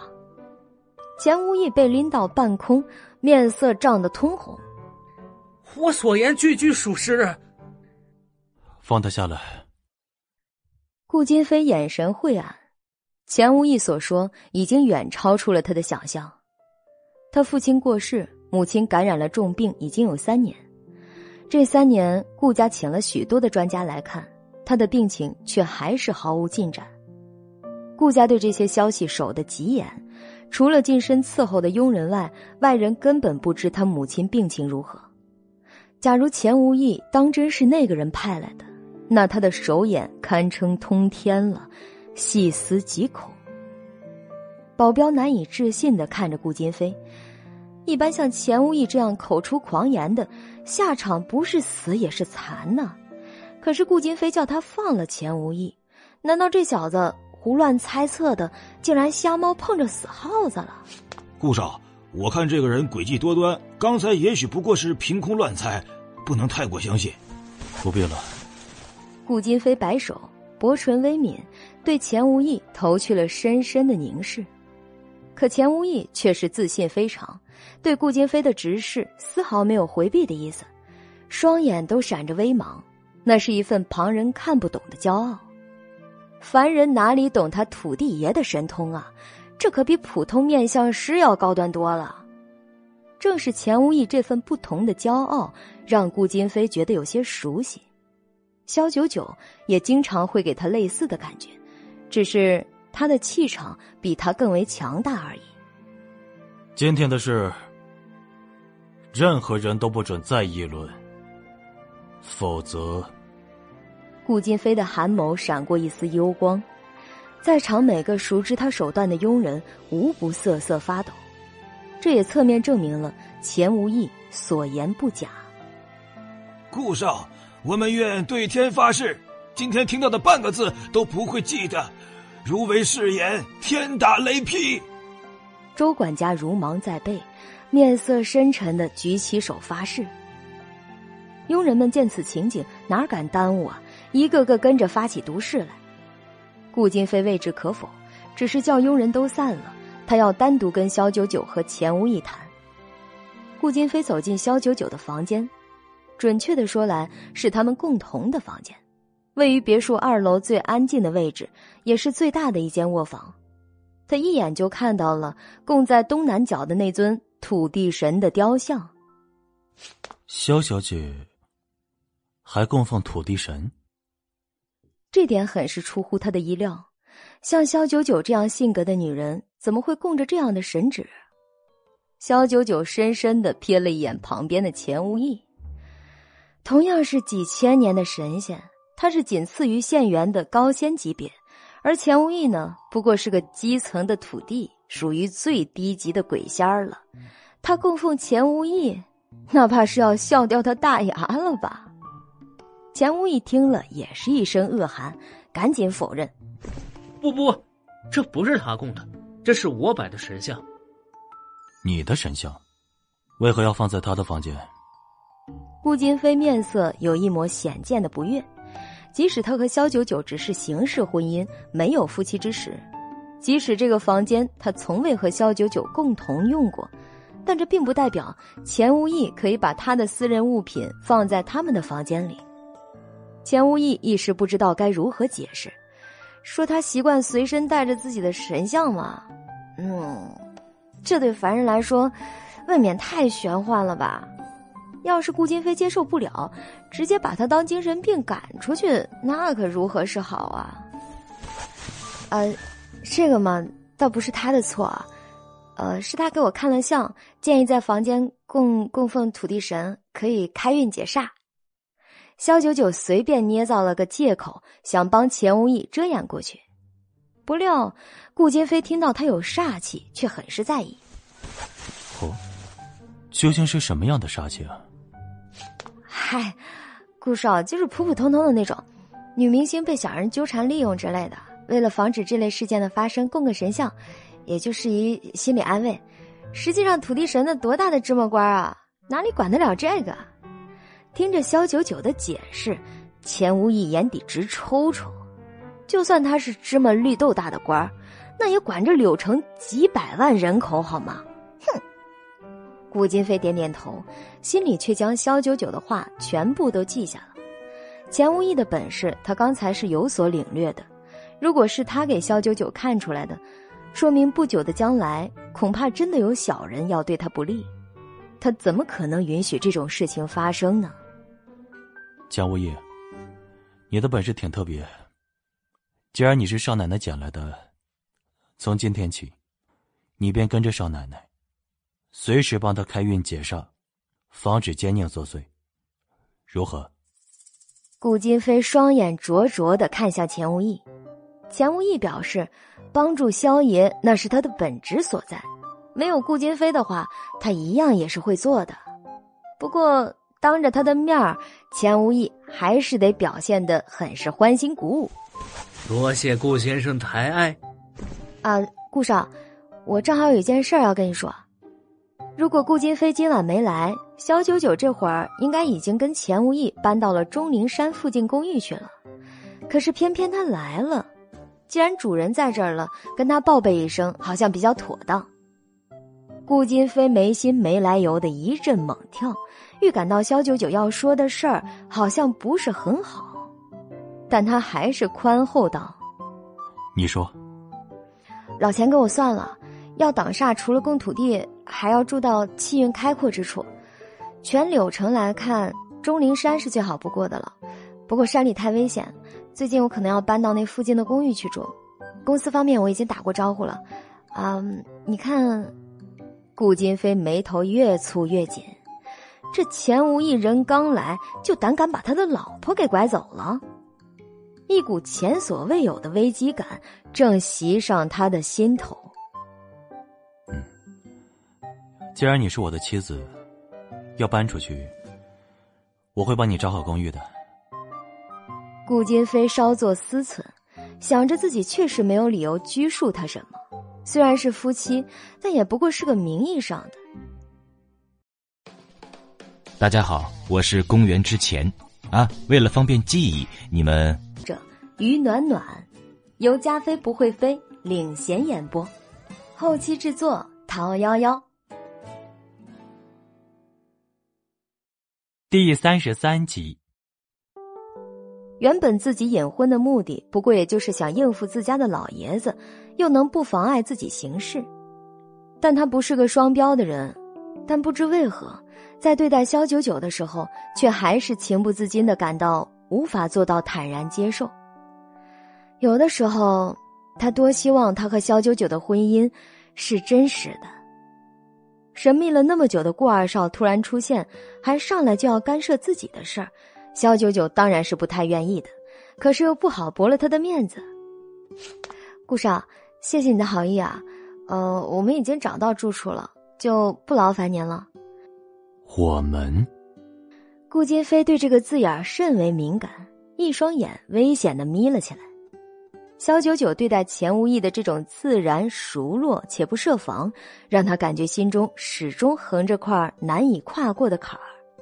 可是他说话做事都是那样的坦坦荡荡，并不想隐瞒他什么。顾金飞心里其实清楚，他们是清白的，只是他却管不住自己的脑子，情不自禁的去想：孤男寡女共处一室，时间长了。当真什么都不会发生。钱无义见顾金飞对萧九九盯得有点紧，第一反应便是为萧九九解围。哎呀，顾少放心，我只会遵照您的命令，保护少奶奶的周全。至于其他的，您就是给一百个胆子，我也不敢。钱无义表面看去不谙世事，却已经和萧九九在人间游历已久。顾金飞话里话外的意思，他都猜得十之八九。看得出，这个名誉老公对萧九九还是有点意思的。不过这也正常，以萧九九现在的颜值来说，比之天庭时期还差了十万八千里。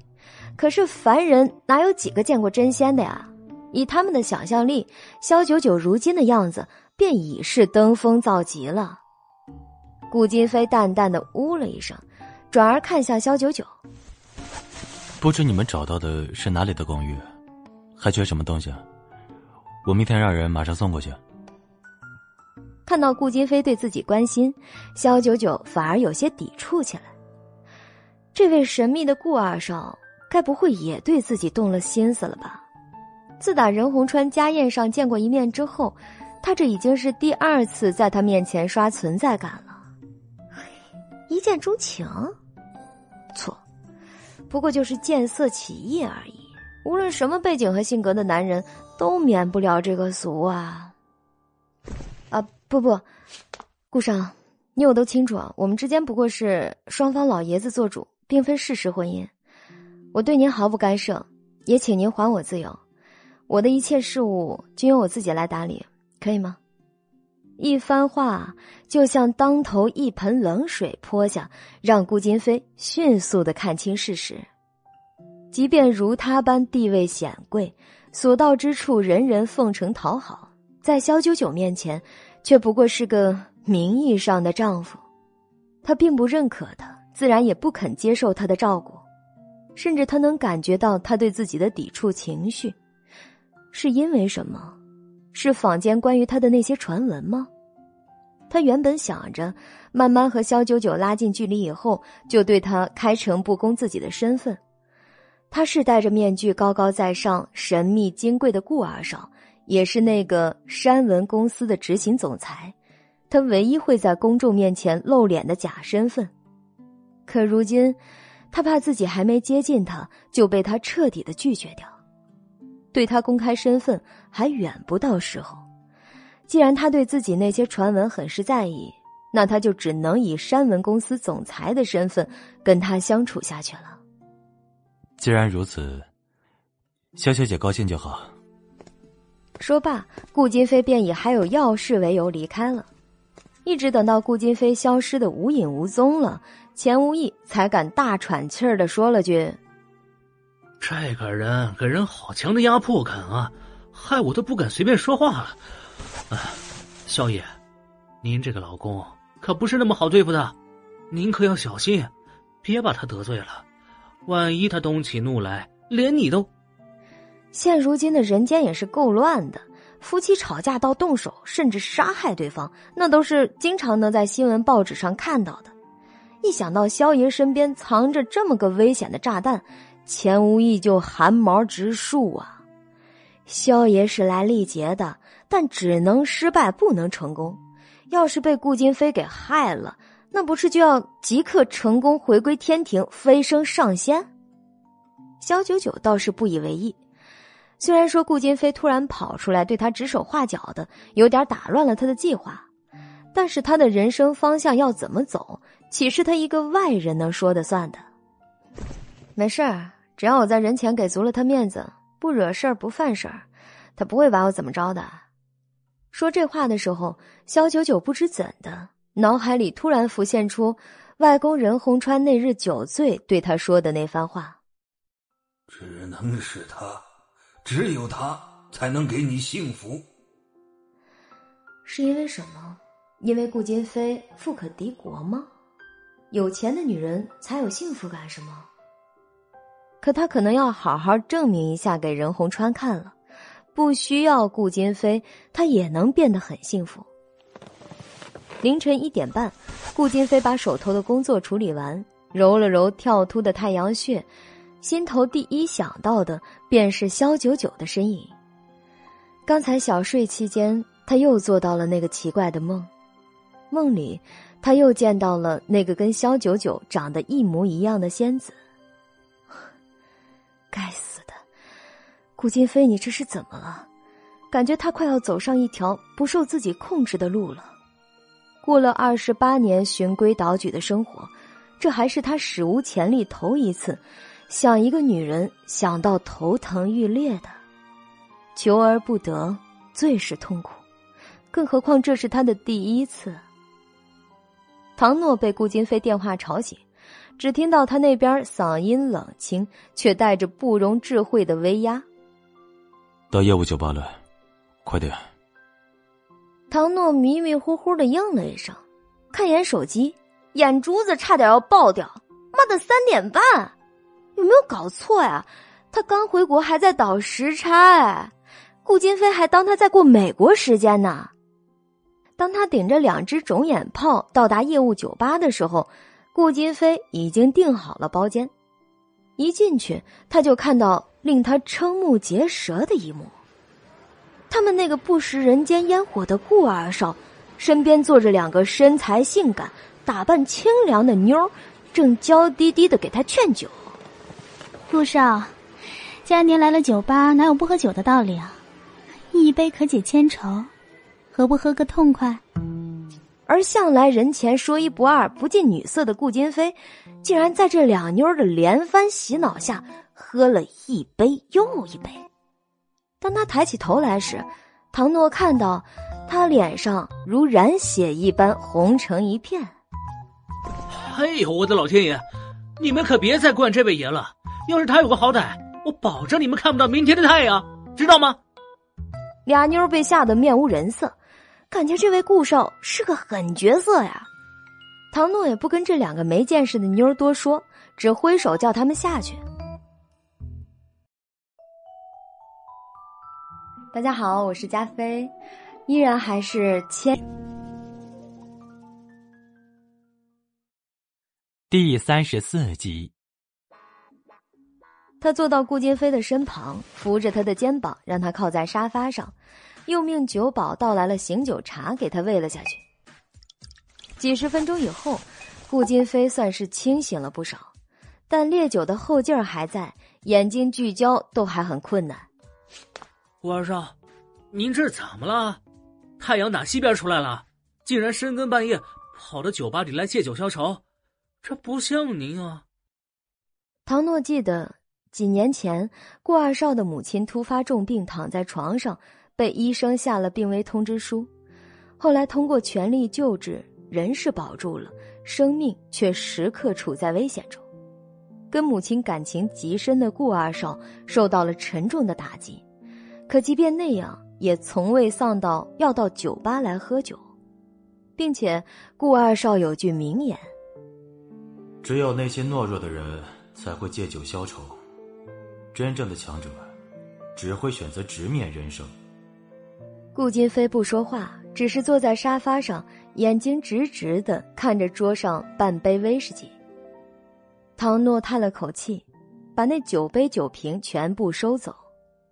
哎呀，算我求你的，有事跟哥们说一下呗，别什么都藏在心里，你这样会憋坏的。再者说了，要是顾金飞在酒吧出了什么事儿，回去他家老爹非得把他抽筋扒皮了不可呀。理由便是，除了你，还有谁敢拉着顾二少去酒吧？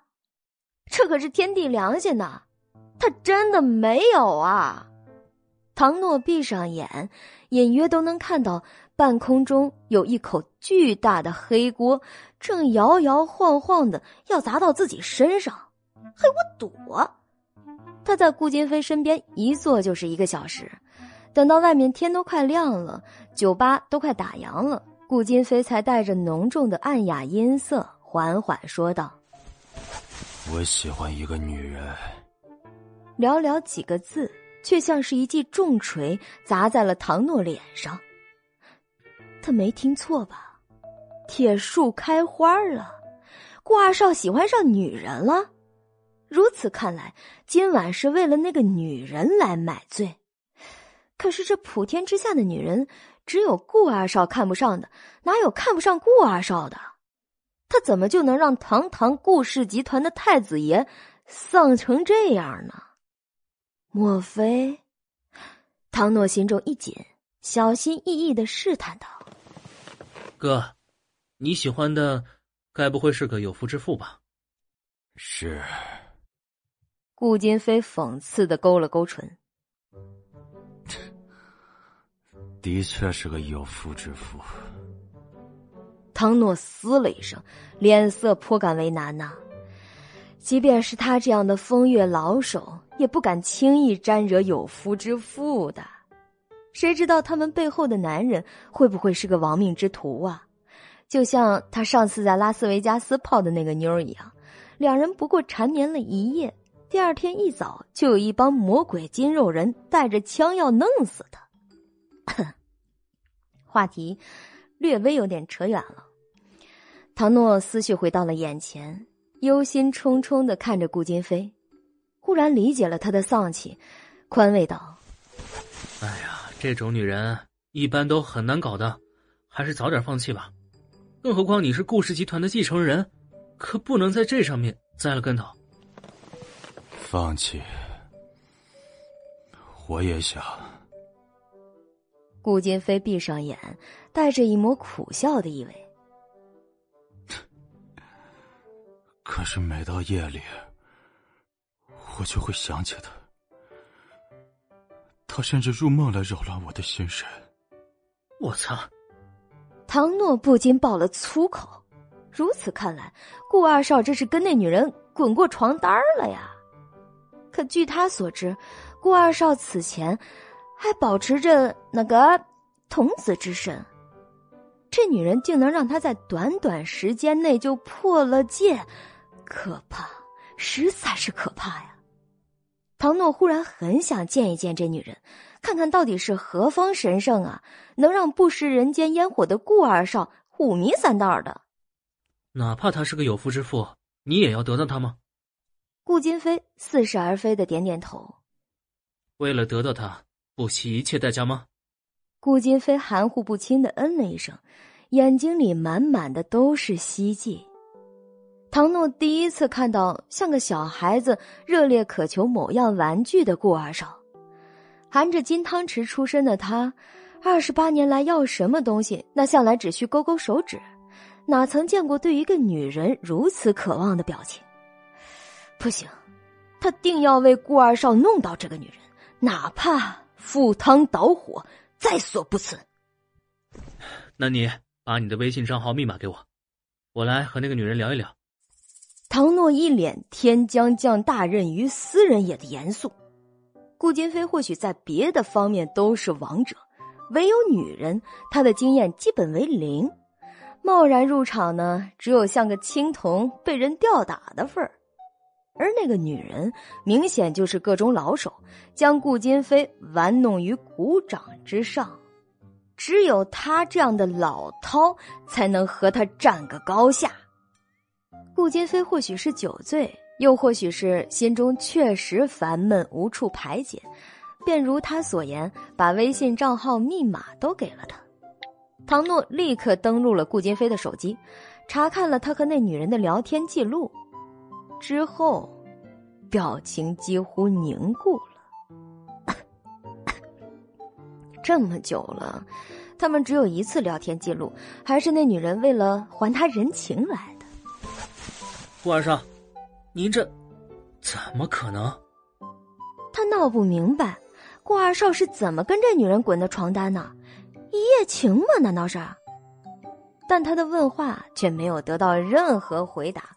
转头看时，顾金飞已经因为酒意和疲乏，靠着沙发沉沉的睡着了。唐诺看着背后的兄弟，又看看微信上那个女人寡淡的回复记录。他的心中顿时燃起了熊熊战火，不管怎么样，一定要帮兄弟把这个难搞的女人搞到手。之后，要杀要剐，听顾二少发落便是。顾金飞走后，肖九九片刻没耽搁，直接跟钱无义收拾了东西，并破天荒的叫了别墅的司机送他们到钟灵山附近他们早就看好的一套公寓。临别前，别墅里的佣人们都来送他，有的心理承受能力差的，甚至拿纸巾抹起了眼泪。死气沉沉的别墅，因为有了少奶奶的存在，才有了欢声笑语。可是这样的日子才过了没多久，少奶奶就要舍他们而去了。少奶奶，您可千万别忘记我，我叫黄英。你要记得我，有空常回来看我。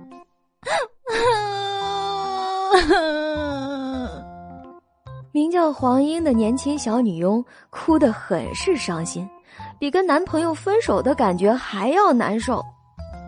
以后再也不能看到少奶奶英姿飒爽飙车、帅气撩妹的样子了。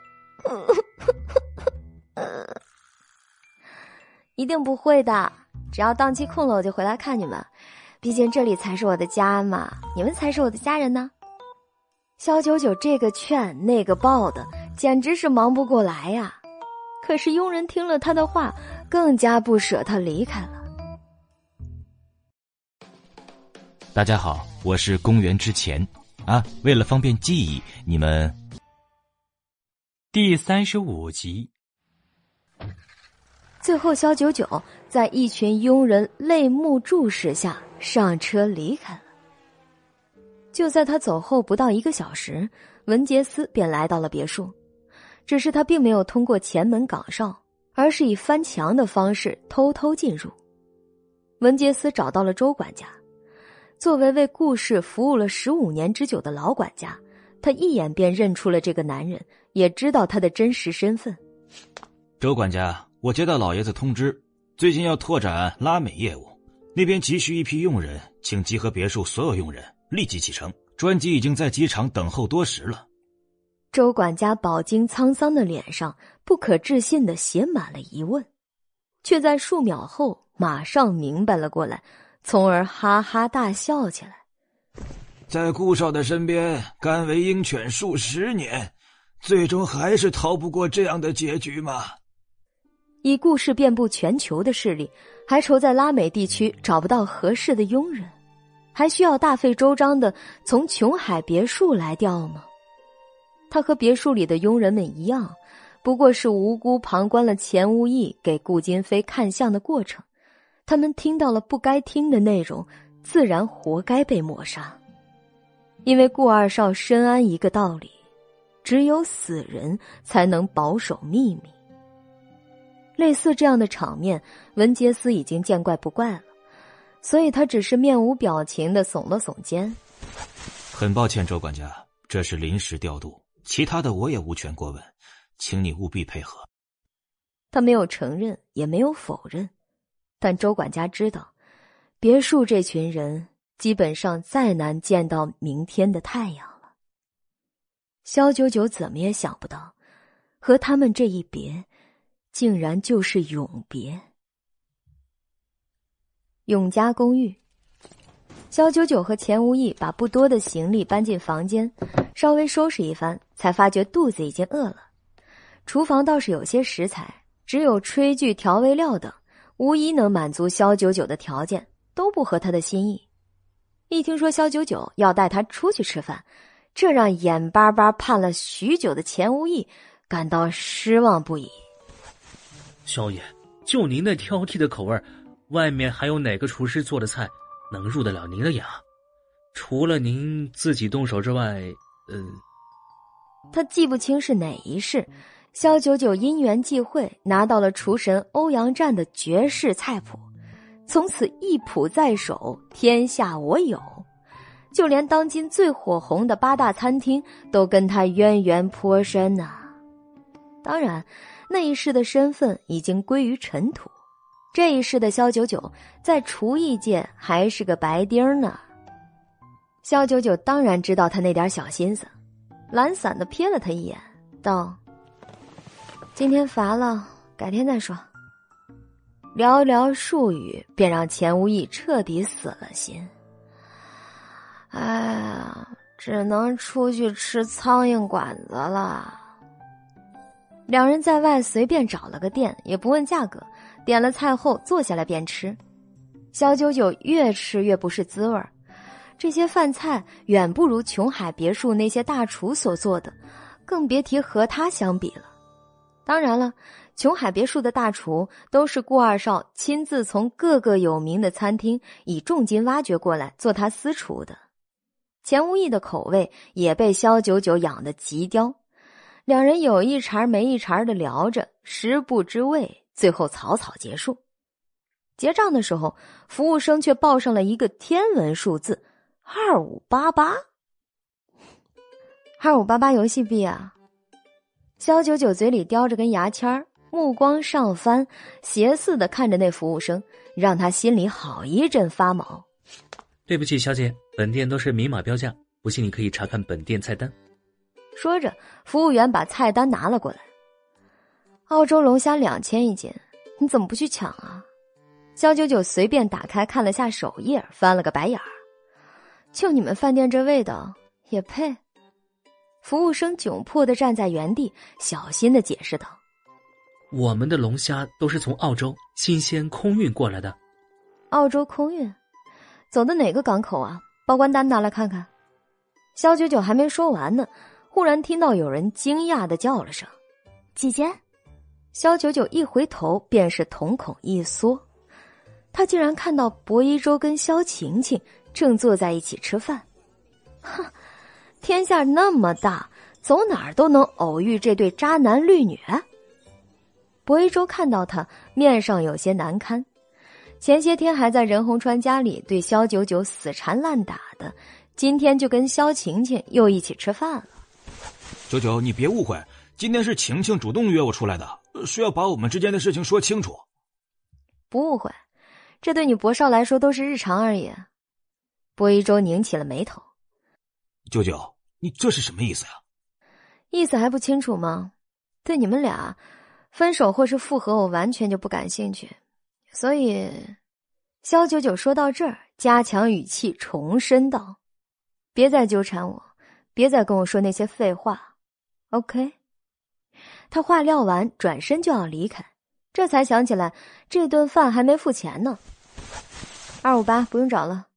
肖九九把现金三百块拍在了桌上，眼珠子朝那服务员一瞪：“看我干什么？二五八八游戏币换算成现金，不就是这么多吗？”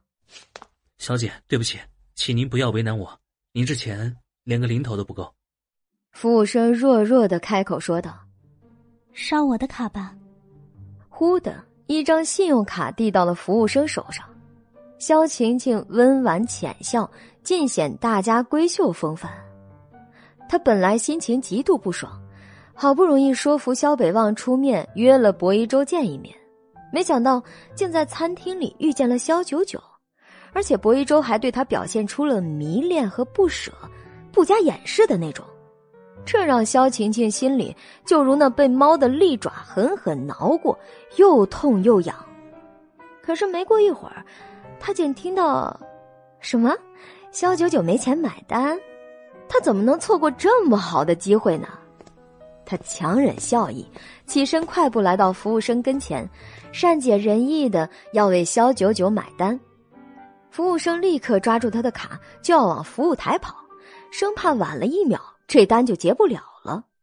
长得那么好看的女孩子，竟然要吃霸王餐，还找那么多的借口。不过还好，他的妹妹懂事儿，主动替他买单了。等下，肖九九一个眼神示意，钱无义便更快一步抓住了服务生的后衣领。今儿这饭钱，如果真的让我吃高兴了。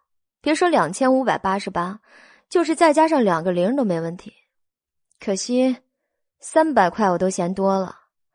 肖九九轻松的将服务生手中的卡抽回，甩给了肖晴晴，接着话锋一转，嘴唇轻慢的抿起。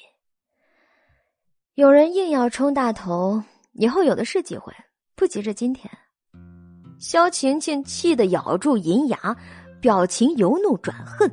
又分分钟的褪了色，转成了我见犹怜的委屈。姐姐，你在说什么呢？我只是可怜你，一直被公司雪藏着，没有收入，一顿饭钱都给不起，这传出去，不也得丢你的面子吗？我，我虽然钱也不多，可是替你买这单还是可以的。前演播。第三十六集，行了，都别闹了，这顿算我请九九的。观望了许久的薄一舟终于走过来，拉开萧晴晴，迫不及待的把自己的卡递给了服务生。就在服务生不知所措时，萧九九啪的一下打掉了他的手。薄先生，看来你对我刚才说的话并没有听得很清楚。你若是执意如此的话，他顿了顿。瞄了一眼那菜单，忽然桃花眼里闪过了一抹狡黠的金光。喜欢装大头是吧？还夫妻组团过来是吧？那我们就谢过薄先生盛情，再点几个菜总可以吧？哎呀，肖九九这弯实在是转的太急了，钱无义毫无防备，差点闪了老腰。萧晴晴和薄一舟两人也是惊得干瞪眼，却不知后面该怎么接下去。嗯，那是自然。如果萧九九愿意接受他的好意，也不失为一个好的开端。薄一舟反应过来后，很想疯狂点头，不过当着萧晴晴的面儿，他只是微微一笑，尽显绅士风度。来，那服务生，这个菜，这个还有这个，这个，这个，这个。薄一舟顺着萧九九那看似随意的手看去，点的竟然全部都是黑松露、鹅肝之类，这家餐厅里最贵的菜品。换做以前，他眼都不会眨。可是最近因为微博热搜那件事儿，他被父亲限制了大部分的消费，信用卡的额度也大幅的下调了。而他平常在博家的公司里挂个总经理的名头，实际上这工资还不够他一晚花销的。博一舟第一次体验到了什么叫做肉疼的感觉，他的眼角微微的抽了抽。直到肖九九说完四五个菜品之后，他才终于松了一口气。这一页，这五个不要，其他全上。什什么？服务生瞠目结舌。这位小姐姐，你还能再不要脸一点吗？听不懂人话吗，小哥？我是说这一页除了刚才我说的那五个我不喜欢之外，其他的全部都给我上来。肖九九红唇微抿，笑得无比的欢脱。人家博先生都说了，诚心诚意的请我吃这顿饭，那我点这些个，他又不是请不起，你担心什么？难道是狗眼看人低吗？不敢，不敢。服务生看着衣冠楚楚的薄一舟，光是闻着他身上那股香水味就知道他是个有钱的主，也是他得罪不起的类型。那还不快到厨房去做？肖九九轻声喝道：“服务生立马圆润的从他视线范围之内消失了，还带着兴奋又狗血的急吼：‘来大生意了，大生意啊！’”薄一舟生生的吞了吞口水，迟疑的问道：“九九，你你们真能吃到这么多呀？吃不吃得掉不重要，重要的是，薄先生心意到了。”我着实是盛情难却啊，你说是不是啊，妹妹？肖九九有意无意的看了一眼肖晴晴，对方的脸色红一阵儿白一阵儿，别提多精彩了。过会儿服务生把账单送来，两人的脸色更是什么颜色都有，也不是很多，四万五，一页菜品的总和。此时，肖晴晴的脸已经完全挂不住了，她恨极了肖九九。看到他的高调、嚣张和得意，他简直想上去直接撕了他。而对薄一舟，他也是一肚子的怨气。如果不是薄一舟非要坚持请萧九九吃饭，怎么会受这个窝囊气啊？可这些，他却只能默默的憋在心里，不敢发作出来，打落牙齿。也只能往肚子里吞。小九九见差不多了，也就懒得跟他们二人浪费时间。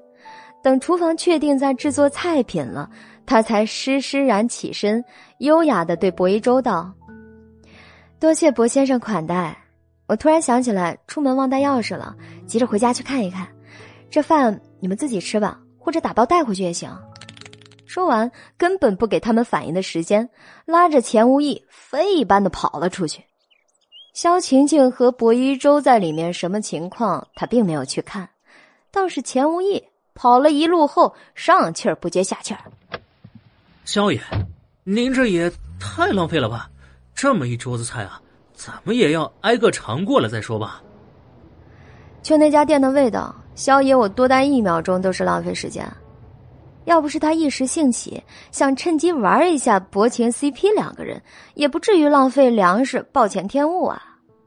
为了安抚钱无义，肖九九便道：“改天，改天一定给你做顿有人样的饭菜。”钱无义听了，立刻精神抖擞：“改天是哪天？不如现在就去吧。”快算了吧，爷乏了。肖九九带着钱无义回了公寓。钱无义正要跟着进房间，却被肖九九一脚踹飞老远。你是不是忘了咱俩现在的关系啊？合租室友，懂不懂？你要出一半房租的，还不快滚你房间去！看着钱无义捂着胸口龇牙咧嘴，肖九九这才把他拉起来。好歹我现在是一明星，绝不能弄出花边新闻来，不然我的那个前途就废了。那我。我哪儿有钱付一半房租啊？钱无义哭笑不得。他堂堂一个土地神呐，入世之后除了算命，好像什么都做不了。难道真要上天桥上摆个摊子，再戴个墨镜装瞎不成吗？你傻吧？我老公不是给你开工资了吗？这个月房租我先帮你垫上，下个月你再还我。哼，这钱无义感觉自己被安排的明明白白的。第二天，肖九九起了个大早，或许是昨晚吃的东西太不合胃口，他准备早上给自己弄点好的来安慰自己的肚子。就在他打了个哈欠要出去的时候，手机却忽然响了数声，微信有人给他发了不少消息。肖九九拿起一看，居然是顾金飞。肖小姐，上次对付片警确实耗费不少。既然你说要还我人情，那我能选择一个偿还的方式吗？这个月是我的生日，我希望肖小姐能陪我过一次生日。地点由我选择，你也不用准备礼物，只要出个面即可。这样便当你还完，你我两清，如何？肖九九看着手机的表情，一时凝固了。嘿嘿，怎么着？这顾金飞死活不要钱？偏要他陪他过生日，这是赖上他了，还是讹上他了？但转念一想，如果有一种方式能让他认可，又不超出自己的原则范围，似乎也不是不可以。陪过个生日才多大的事儿啊，几个小时就搞定了呀！看到肖九九发来的“好吧”，捧着顾金飞手机的唐诺几乎笑得嘴角都要咧到耳后根儿去了。这个女人也不过如此。唐诺志得意满的勾勾唇，本想把这件事儿现在就告诉顾金飞，可惜他睡得非常沉，根本就叫不醒。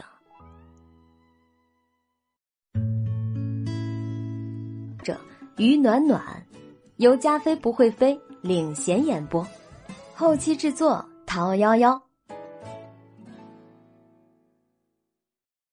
第三十七集。唐诺把顾金飞送回去，又把手机原样放回了他的口袋里。做完这一切，他又拍了拍顾金飞西装口袋，叹了叹气道：“啊，兄弟，为了你的幸福，我是豁出去了。不过，若是以后这女人的老公上门来砍你，我可不负责。”顾九九赶完了今天的数个行程，最后一个便是文山公司的广告拍摄。在正式进行拍摄前，要进行化妆。肖九九习以为常的坐在了镜子前，只见镜中美人略施粉黛，便已是倾城绝色，微微一笑，更是让人心惊摇曳。就连化妆师都不住的称赞：“九九啊，你的皮肤和五官底子可真好啊！上了妆以后，就像是从油画里走出来的人。”助理小杨也不住的感叹。这则广告只要在电视上播出，肯定成为爆款。这下善文公司和我们九九都要火了。肖九九身着一袭红色鱼尾裙，配上正红的唇色，把整个人衬托的肌肤银白如雪，在阳光下看上去熠熠生辉。看着镜子中的样子，肖九九也满意的抿唇。这个妆发和造型很对她的胃口，性感。却不妖艳，红裙上身穿出了别的明星穿不出的气场。他微微点头，感谢夸奖，还是小梦化妆给力。小梦抿嘴偷笑，曾经她也因为网上漫天飞的谣言对肖九九有所误解，可是，在跟他一天天的相处过程中，发觉他为人真实，毫不做作，跟外面那些妖艳贱货那是有本质区别的。这样的明星。他是真的稀罕死了。化妆造型结束，小梦忽然神秘的冲着肖九九眨眼：“今天我要拿一个独门秘方给你用，让你的美突破天际。”肖九九通过神识去看，小梦为人很是善良、内敛又低调。虽然在娱乐圈混了这么多年，伺候了很多明星，但是却从来没对谁动过歪心思。这样的姑娘。在当今娱乐圈乃至社会都很难得了。他相信小梦，浅笑盈盈，点头表示期待他的秘方。小梦便从自己的包里拿了一个紫色的小瓶子出来，打开有一股异香，里面装着的是一些白色粉末。这个是我在老家采用的中药，特别研制的。化妆后在脸上敷上薄薄的一层，不仅定妆效果奇佳，而且能让肌肤玲珑剔透，发出自然的馨香来。小杨好奇的伸长了脖子，看着那些白色粉末，这么神奇的吗？梦姐，那你也给我一些好不好？去，这药粉可是限量版的，那些中药材长在悬崖边上，很难采摘的。小梦有些骄傲的抬头看向肖九九，九九，你天生丽质，用了这个更加光彩照人，如虎添翼。肖九九本来眸光淡淡的，可是鼻子闻见那粉末的中药味后，却下意识的皱起了眉。这粉末不对，是吗？还处在兴奋和期待中的小梦懵然的看着他，肖九九却已经把瓶子拿在手里，又低头凑近了闻。以他炼药数百年的经验，这里添加了两味有刺激作用、能让人皮肤瘙痒、红肿，甚至发展到溃烂的草药。添加的人还别有用心的把草药磨成了同样的白色。其心可诛。对不起啊，小梦，这药粉有毒。肖九九立刻将药瓶的盖子盖严实，只要擦到一点儿在裸露的皮肤上，全身都会起疹子，三天内化脓流水乃至溃烂。听到这话，小梦和小杨以及在场的其他化妆师和助理都惊呆了。等了好久的妙姐跑进来催促肖九九。一听说这件事儿，也是惊骇不已。什么年代了，还有人在药里下药？九九，你会不会是弄错了呀？小梦是哈景族人，从小就住在边疆，熟识各种草药。这个方子他也给自己用过，绝对不会有问题的呀。妙姐半信半疑的说道。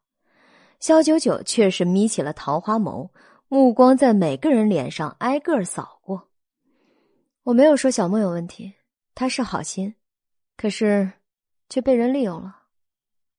你是说，有人在这药粉里做了手脚？妙姐不可置信的问：“小梦，你这两天跟谁有过密切接触？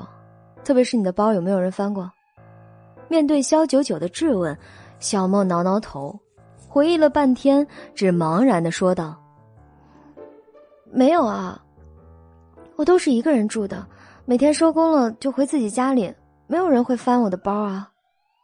你确定吗？肖九九眸光忽的变得犀利，他用神识挨个看过，在场的每个人似乎都跟小梦同样茫然，并没有人显出心虚的状态来。肖九九忽的一勾唇，好吧，刚才呢我是开了个玩笑，看把你们给吓的。说着，就把小梦的药粉拿出来，满不在乎的涂了一层在自己的脸上。在药粉的作用下，他的脸果然如同加了一层天然的滤镜，肌肤晶莹剔透，好像在发光一样。妙姐哭笑不得：“九九啊，你怎么这么顽皮呀？你看把小梦都吓成啥样了？”化妆间里刚才还紧张的气氛瞬间化解。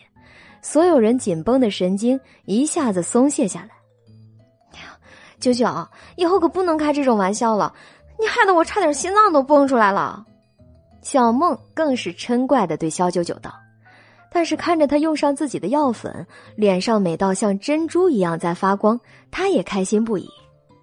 很快，肖九九走出化妆间，开始进行正式的拍摄。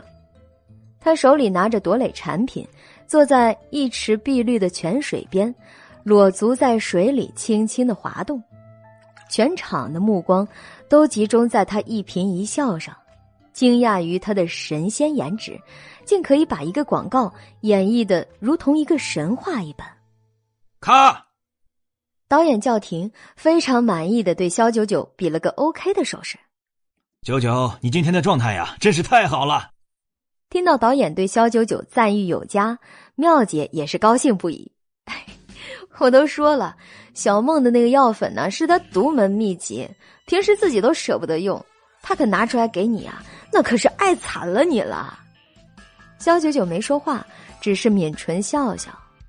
稍作休息以后，马上就开始了新一轮的拍摄，连导演都佩服他的敬业，私底下跟工作人员交口称赞。这肖九九，本来听说他非常的任性，口碑很差，可是，一旦拍摄起来，从来不喊苦不喊累的，跟那些矫情造作的女明星完全两样。虽然只是拍摄一个广告，但肖九九却是非常认真和投入，这一点所有人都看在眼里，佩服在心里。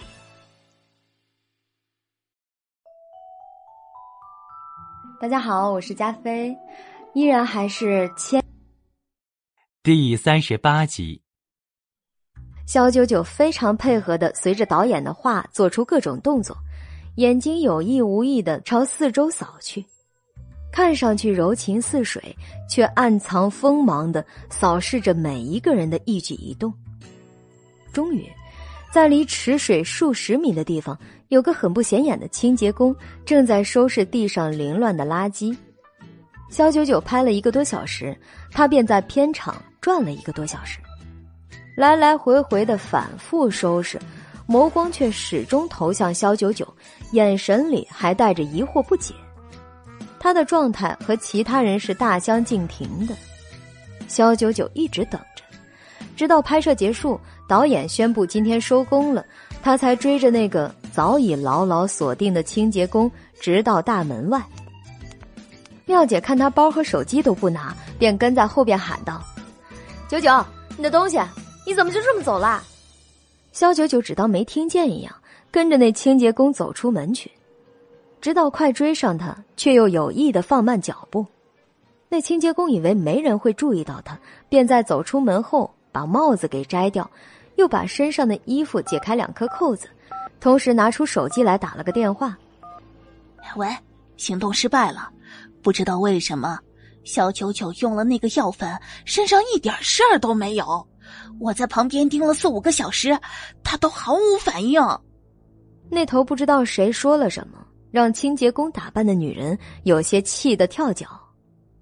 我保证，我按照你的要求做了，把你给的东西放到了小梦的药瓶子里去了。小梦也确实给他用了。你应该问问你自己，你给的东西是不是有问题？清洁工打完电话，刚刚挂断，那边肖九九却是判断出了个大概来。是谁这么着急，要在广告片投放市场之前，先让肖九九皮肤溃烂，弄得声名狼藉，甚至丢了饭碗？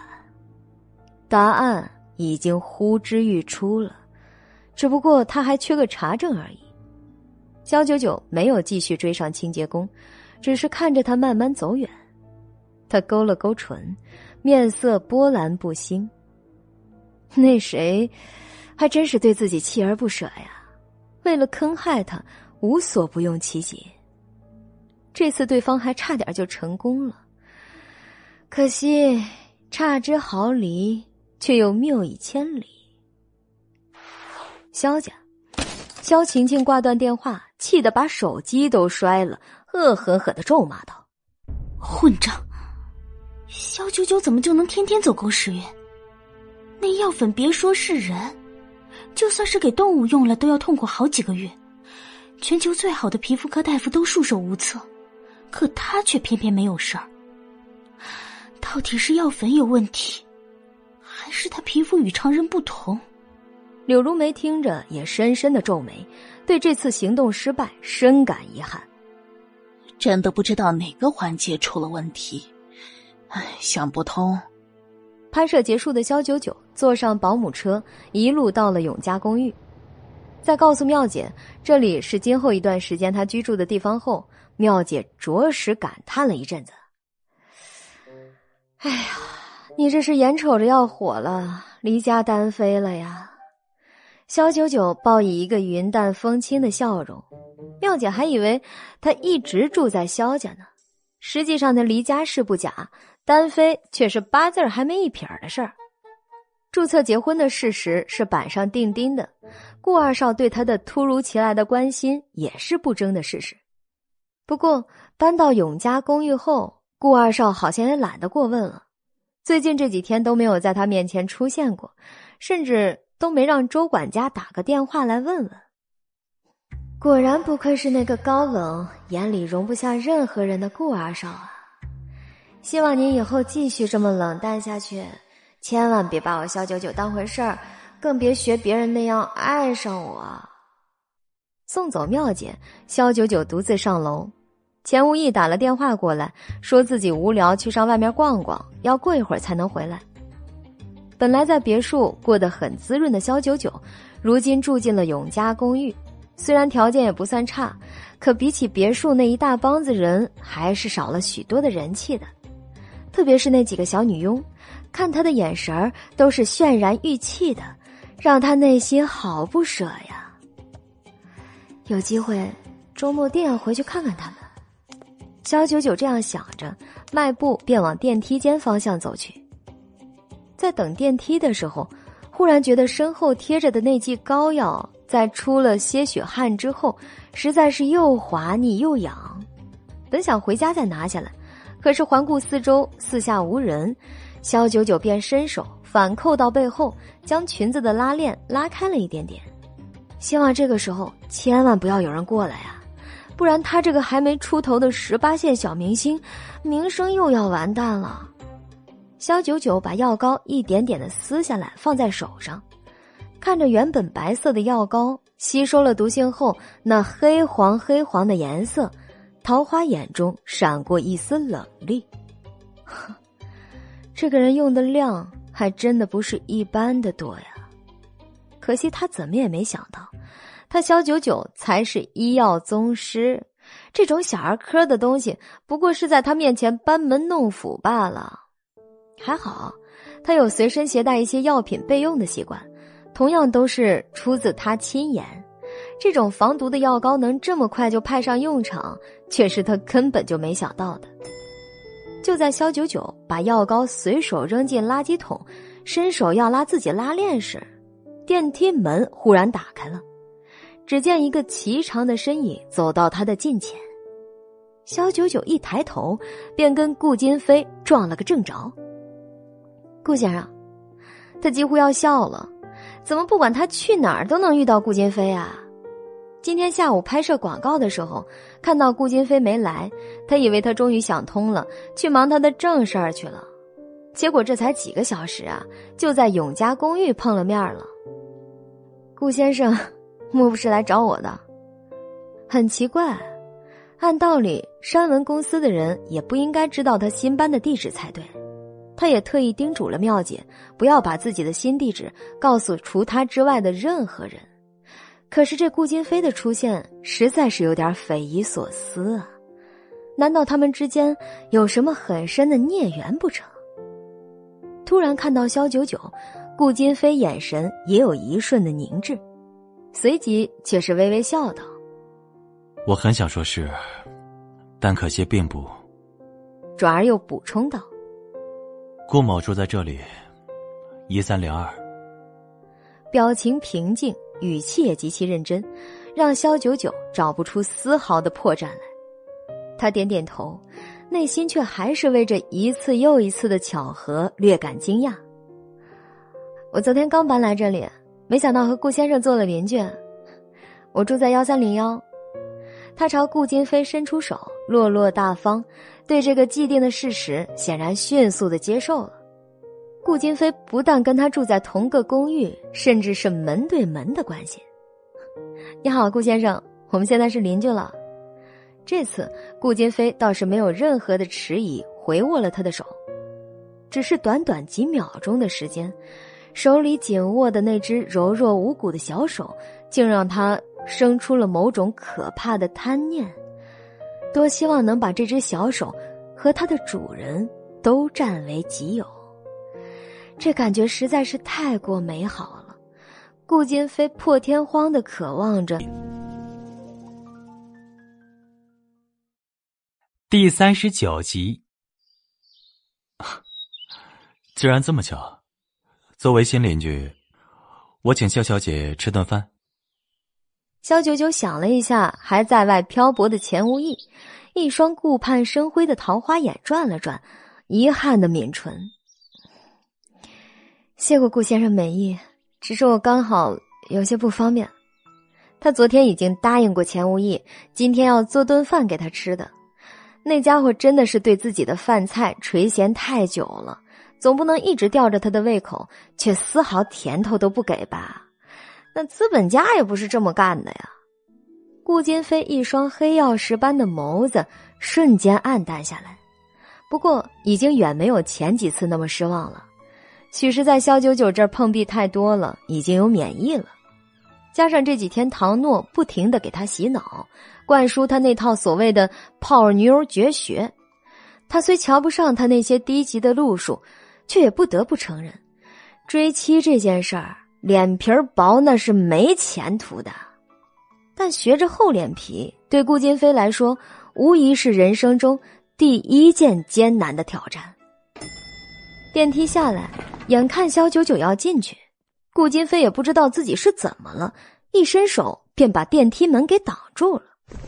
肖九九看着他迅捷、不带一丝考虑的动作，唇角不由微抽了一下。肖小姐，吃饭这件事，择日不如撞日。你我都那么忙碌，既然遇到，就一起吃个饭。你有任何不方便都可以告诉我，我会让他变得方便。看着顾金飞不假思索的脱口而出，滔滔不绝的套路着自己，肖九九玩味的舔了舔唇。这男人看起来也不像是经常泡妞的样子，怎么说起话来满满的风流味道啊？正想果断的拒绝他，肖九九脑子里忽然就冒出了那十五万块钱来。上次转给他，他并没有点击收款，这件事就被搁置了。怎么也要把这份人情还了他才是，不然总感觉亏欠他什么。肖九九改了主意，对顾金飞道：“既然顾先生开口，那九九只好恭敬不如从命了。毕竟是金主来的，拒绝次数太多了，恐怕也不太好。”肖九九想出了一个两全其美的方法。永嘉公寓幺三零幺，肖九九的家里。肖九九在厨房忙碌不停，顾金飞坐在桌边和钱无义大眼瞪小眼儿。钱无义忽然缩了缩脖子，明明是九月天，怎么感觉空气那么冷啊？他浑身直起鸡皮疙瘩。顾金飞收回了那仿佛可以把人直接冻死的眸光，垂下眼帘，有意无意的问道：“呵，钱先生。”我是肖九九的合作方公司执行总裁，冒昧问一句啊，和肖九九同居的您，和他是什么关系？那天在琼海别墅，当他听肖九九说要带着钱无意一起搬到钟灵山附近公寓，他的心态虽然接近爆炸，但从来没有想过，肖九九和钱无义竟然是住在同一套房子里。肖九九对待这个马路上捡来的乞丐，怎么会如此亲密？顾金飞也曾让文杰斯暗地里去调查钱无义的背景和身份，可是最终在他发来的调查报告上，却只有四个字：查无此人。也就是说，钱无义要么是个真正的流浪汉，没有身份和户口的那种，要么……他的真实身份已经被完美的隐藏了起来，那样的话，事态就比他想的更为严重了。钱无义嗅到了顾金飞话里的火药味下意识的看了一眼厨房里的那个身影。早知道肖九九会把这个男人叫来一起吃饭，他就不回家了。九九是个明星，而我是被他请来帮他挡煞消灾的。近期啊，恐有小人对他不利。为了避免这种情况的发生，我需要时刻观察他住所的风水变化和生活中起居中的禁忌。看钱无义坦然的应答如流，顾金飞反倒沉默了。这个答案和之前在别墅里是一致的。可是，肖九九和钱无义并不知道，戴面具的顾二少和眼前的他是同一个人。难道最近真的有什么人要对肖九九动手，才会让他如此害怕，请了个半仙儿在家里？好吧，也许是我误会了。毕竟九九是个明星，跟男人同居，传出去影响不好，所以请钱先生务必保证平时言行。不会给九九带来负面影响。我公司也会密切关注您的动态。寥寥数语，虽然平静又有理，却透着让人不寒而栗的警告意味。而顾金飞看向钱无义的眼神也并无半点良善，他完全不加遮掩的想叫他知道，不管他是什么人、什么身份，企图接近肖九九，那就是。自寻死路的做法。想要让这样的人无声无息的消失，顾金飞只要一个电话就能做到。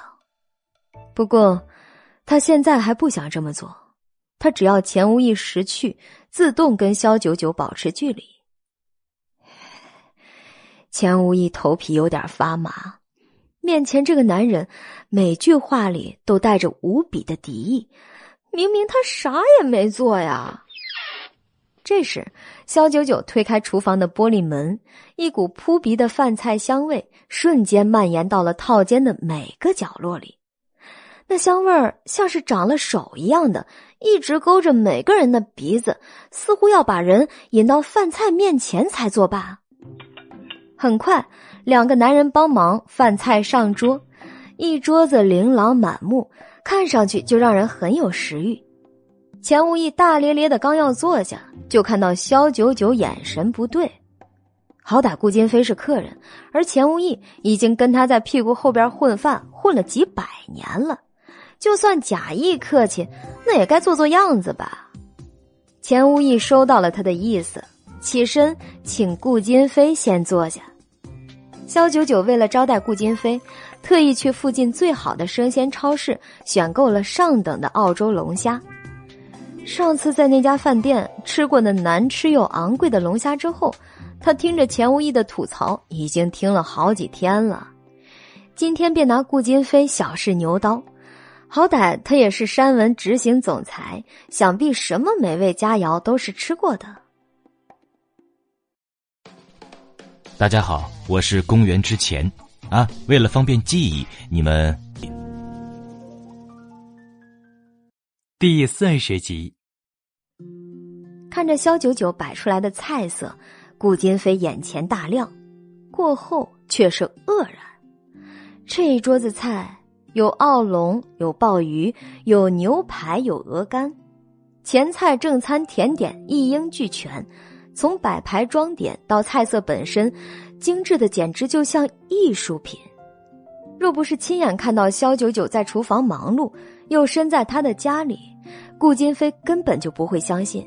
一个女明星能自己做出这么多只有高档西餐厅才会有的复杂菜式来，顾先生怎么发愣啊？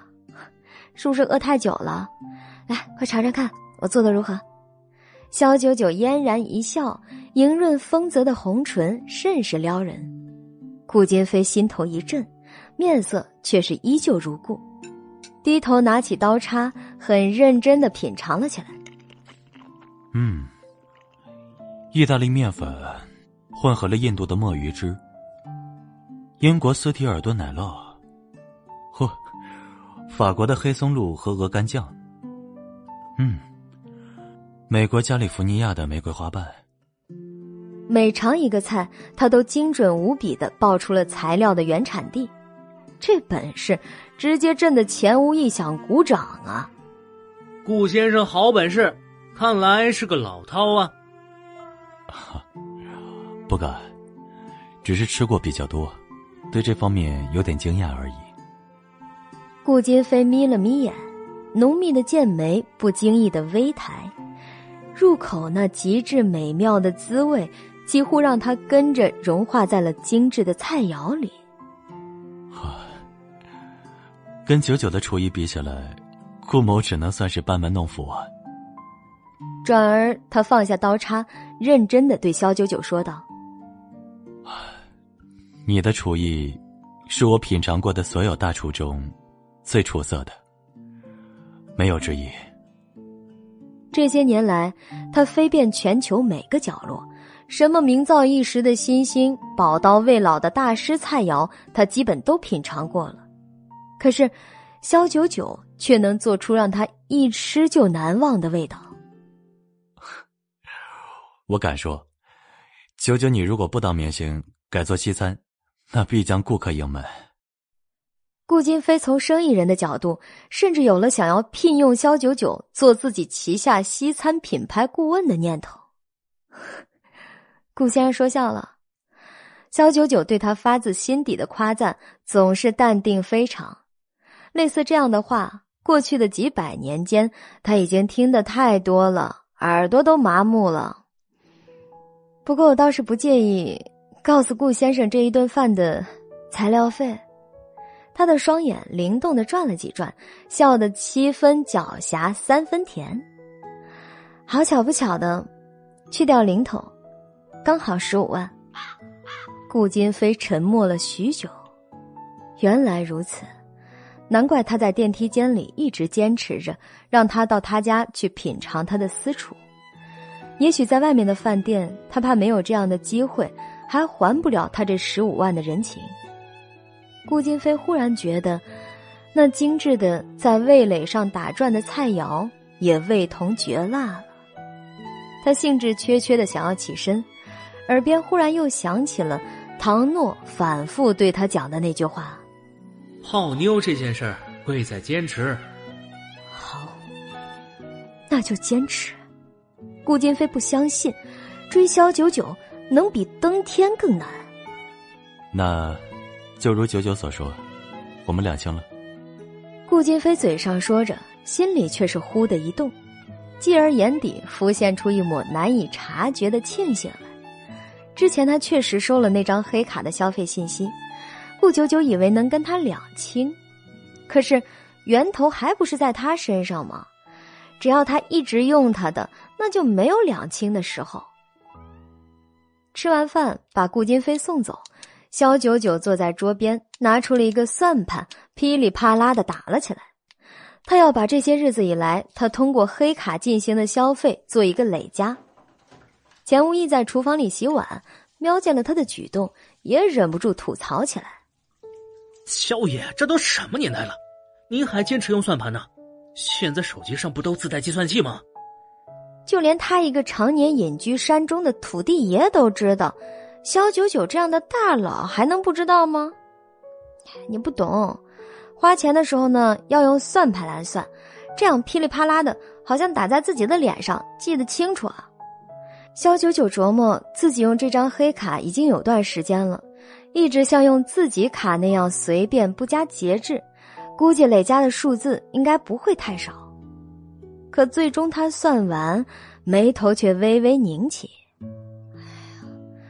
才这么点时间，花了一百二十万了，这人间的银子也太不经花了吧！他用了顾二少的钱，还了顾金飞的人情，以后若是还有张三、李四、王二麻子等人出现，这个无底洞该怎么填呢？只有自己挣钱才是王道。阿钱无业。我要出去一趟，肖九九算完账便起身要走，吓得钱无义跑出来，手上洗碗的手套都没摘。这大晚上的你要去哪儿？莫不是要自己去那钟灵山月牙泉等待县员的现身吧？这实在是太危险了，他必须得跟着呀！还能去哪儿啊？我挣点快钱，马上就回来。肖九九说着，便从衣帽间里挑了一身利落的衣服换上。又把长发给盘了起来，等他走出来，钱无义简直是秒秒看呆。即便是这种中性打扮，都能这么撩人，主要是这气质，完胜路上百分之百的普通女人。钱无义本来还有点担心，转念一想，萧爷出去他该担心的应该是无辜的路人才对吧？不知道哪个倒霉蛋要以什么方式惹毛萧爷，落个凄惨的下场了。萧九九出了门，阵阵晚风吹来，心情顿时大好。他顺着记忆，快速的找到了一家地下赌场。这个赌场白天是不营业的，上面的人查的非常严。但是到了晚上，这里就是一个实打实的销金窟，各种三教九流的人物都会在这里出现。把门的四名壮汉身上都有纹身，一看到萧九九一个女人独自进来，一把将他拦住：“站住！知不知道这里是什么地方？要是走错了，就赶紧出去。”肖九九看着几名壮汉，从鼻子底下冷哼了一声：“你们是不是活腻了？”想挡着我萧爷发财？大家好，我是公元之前啊。为了方便记忆，你们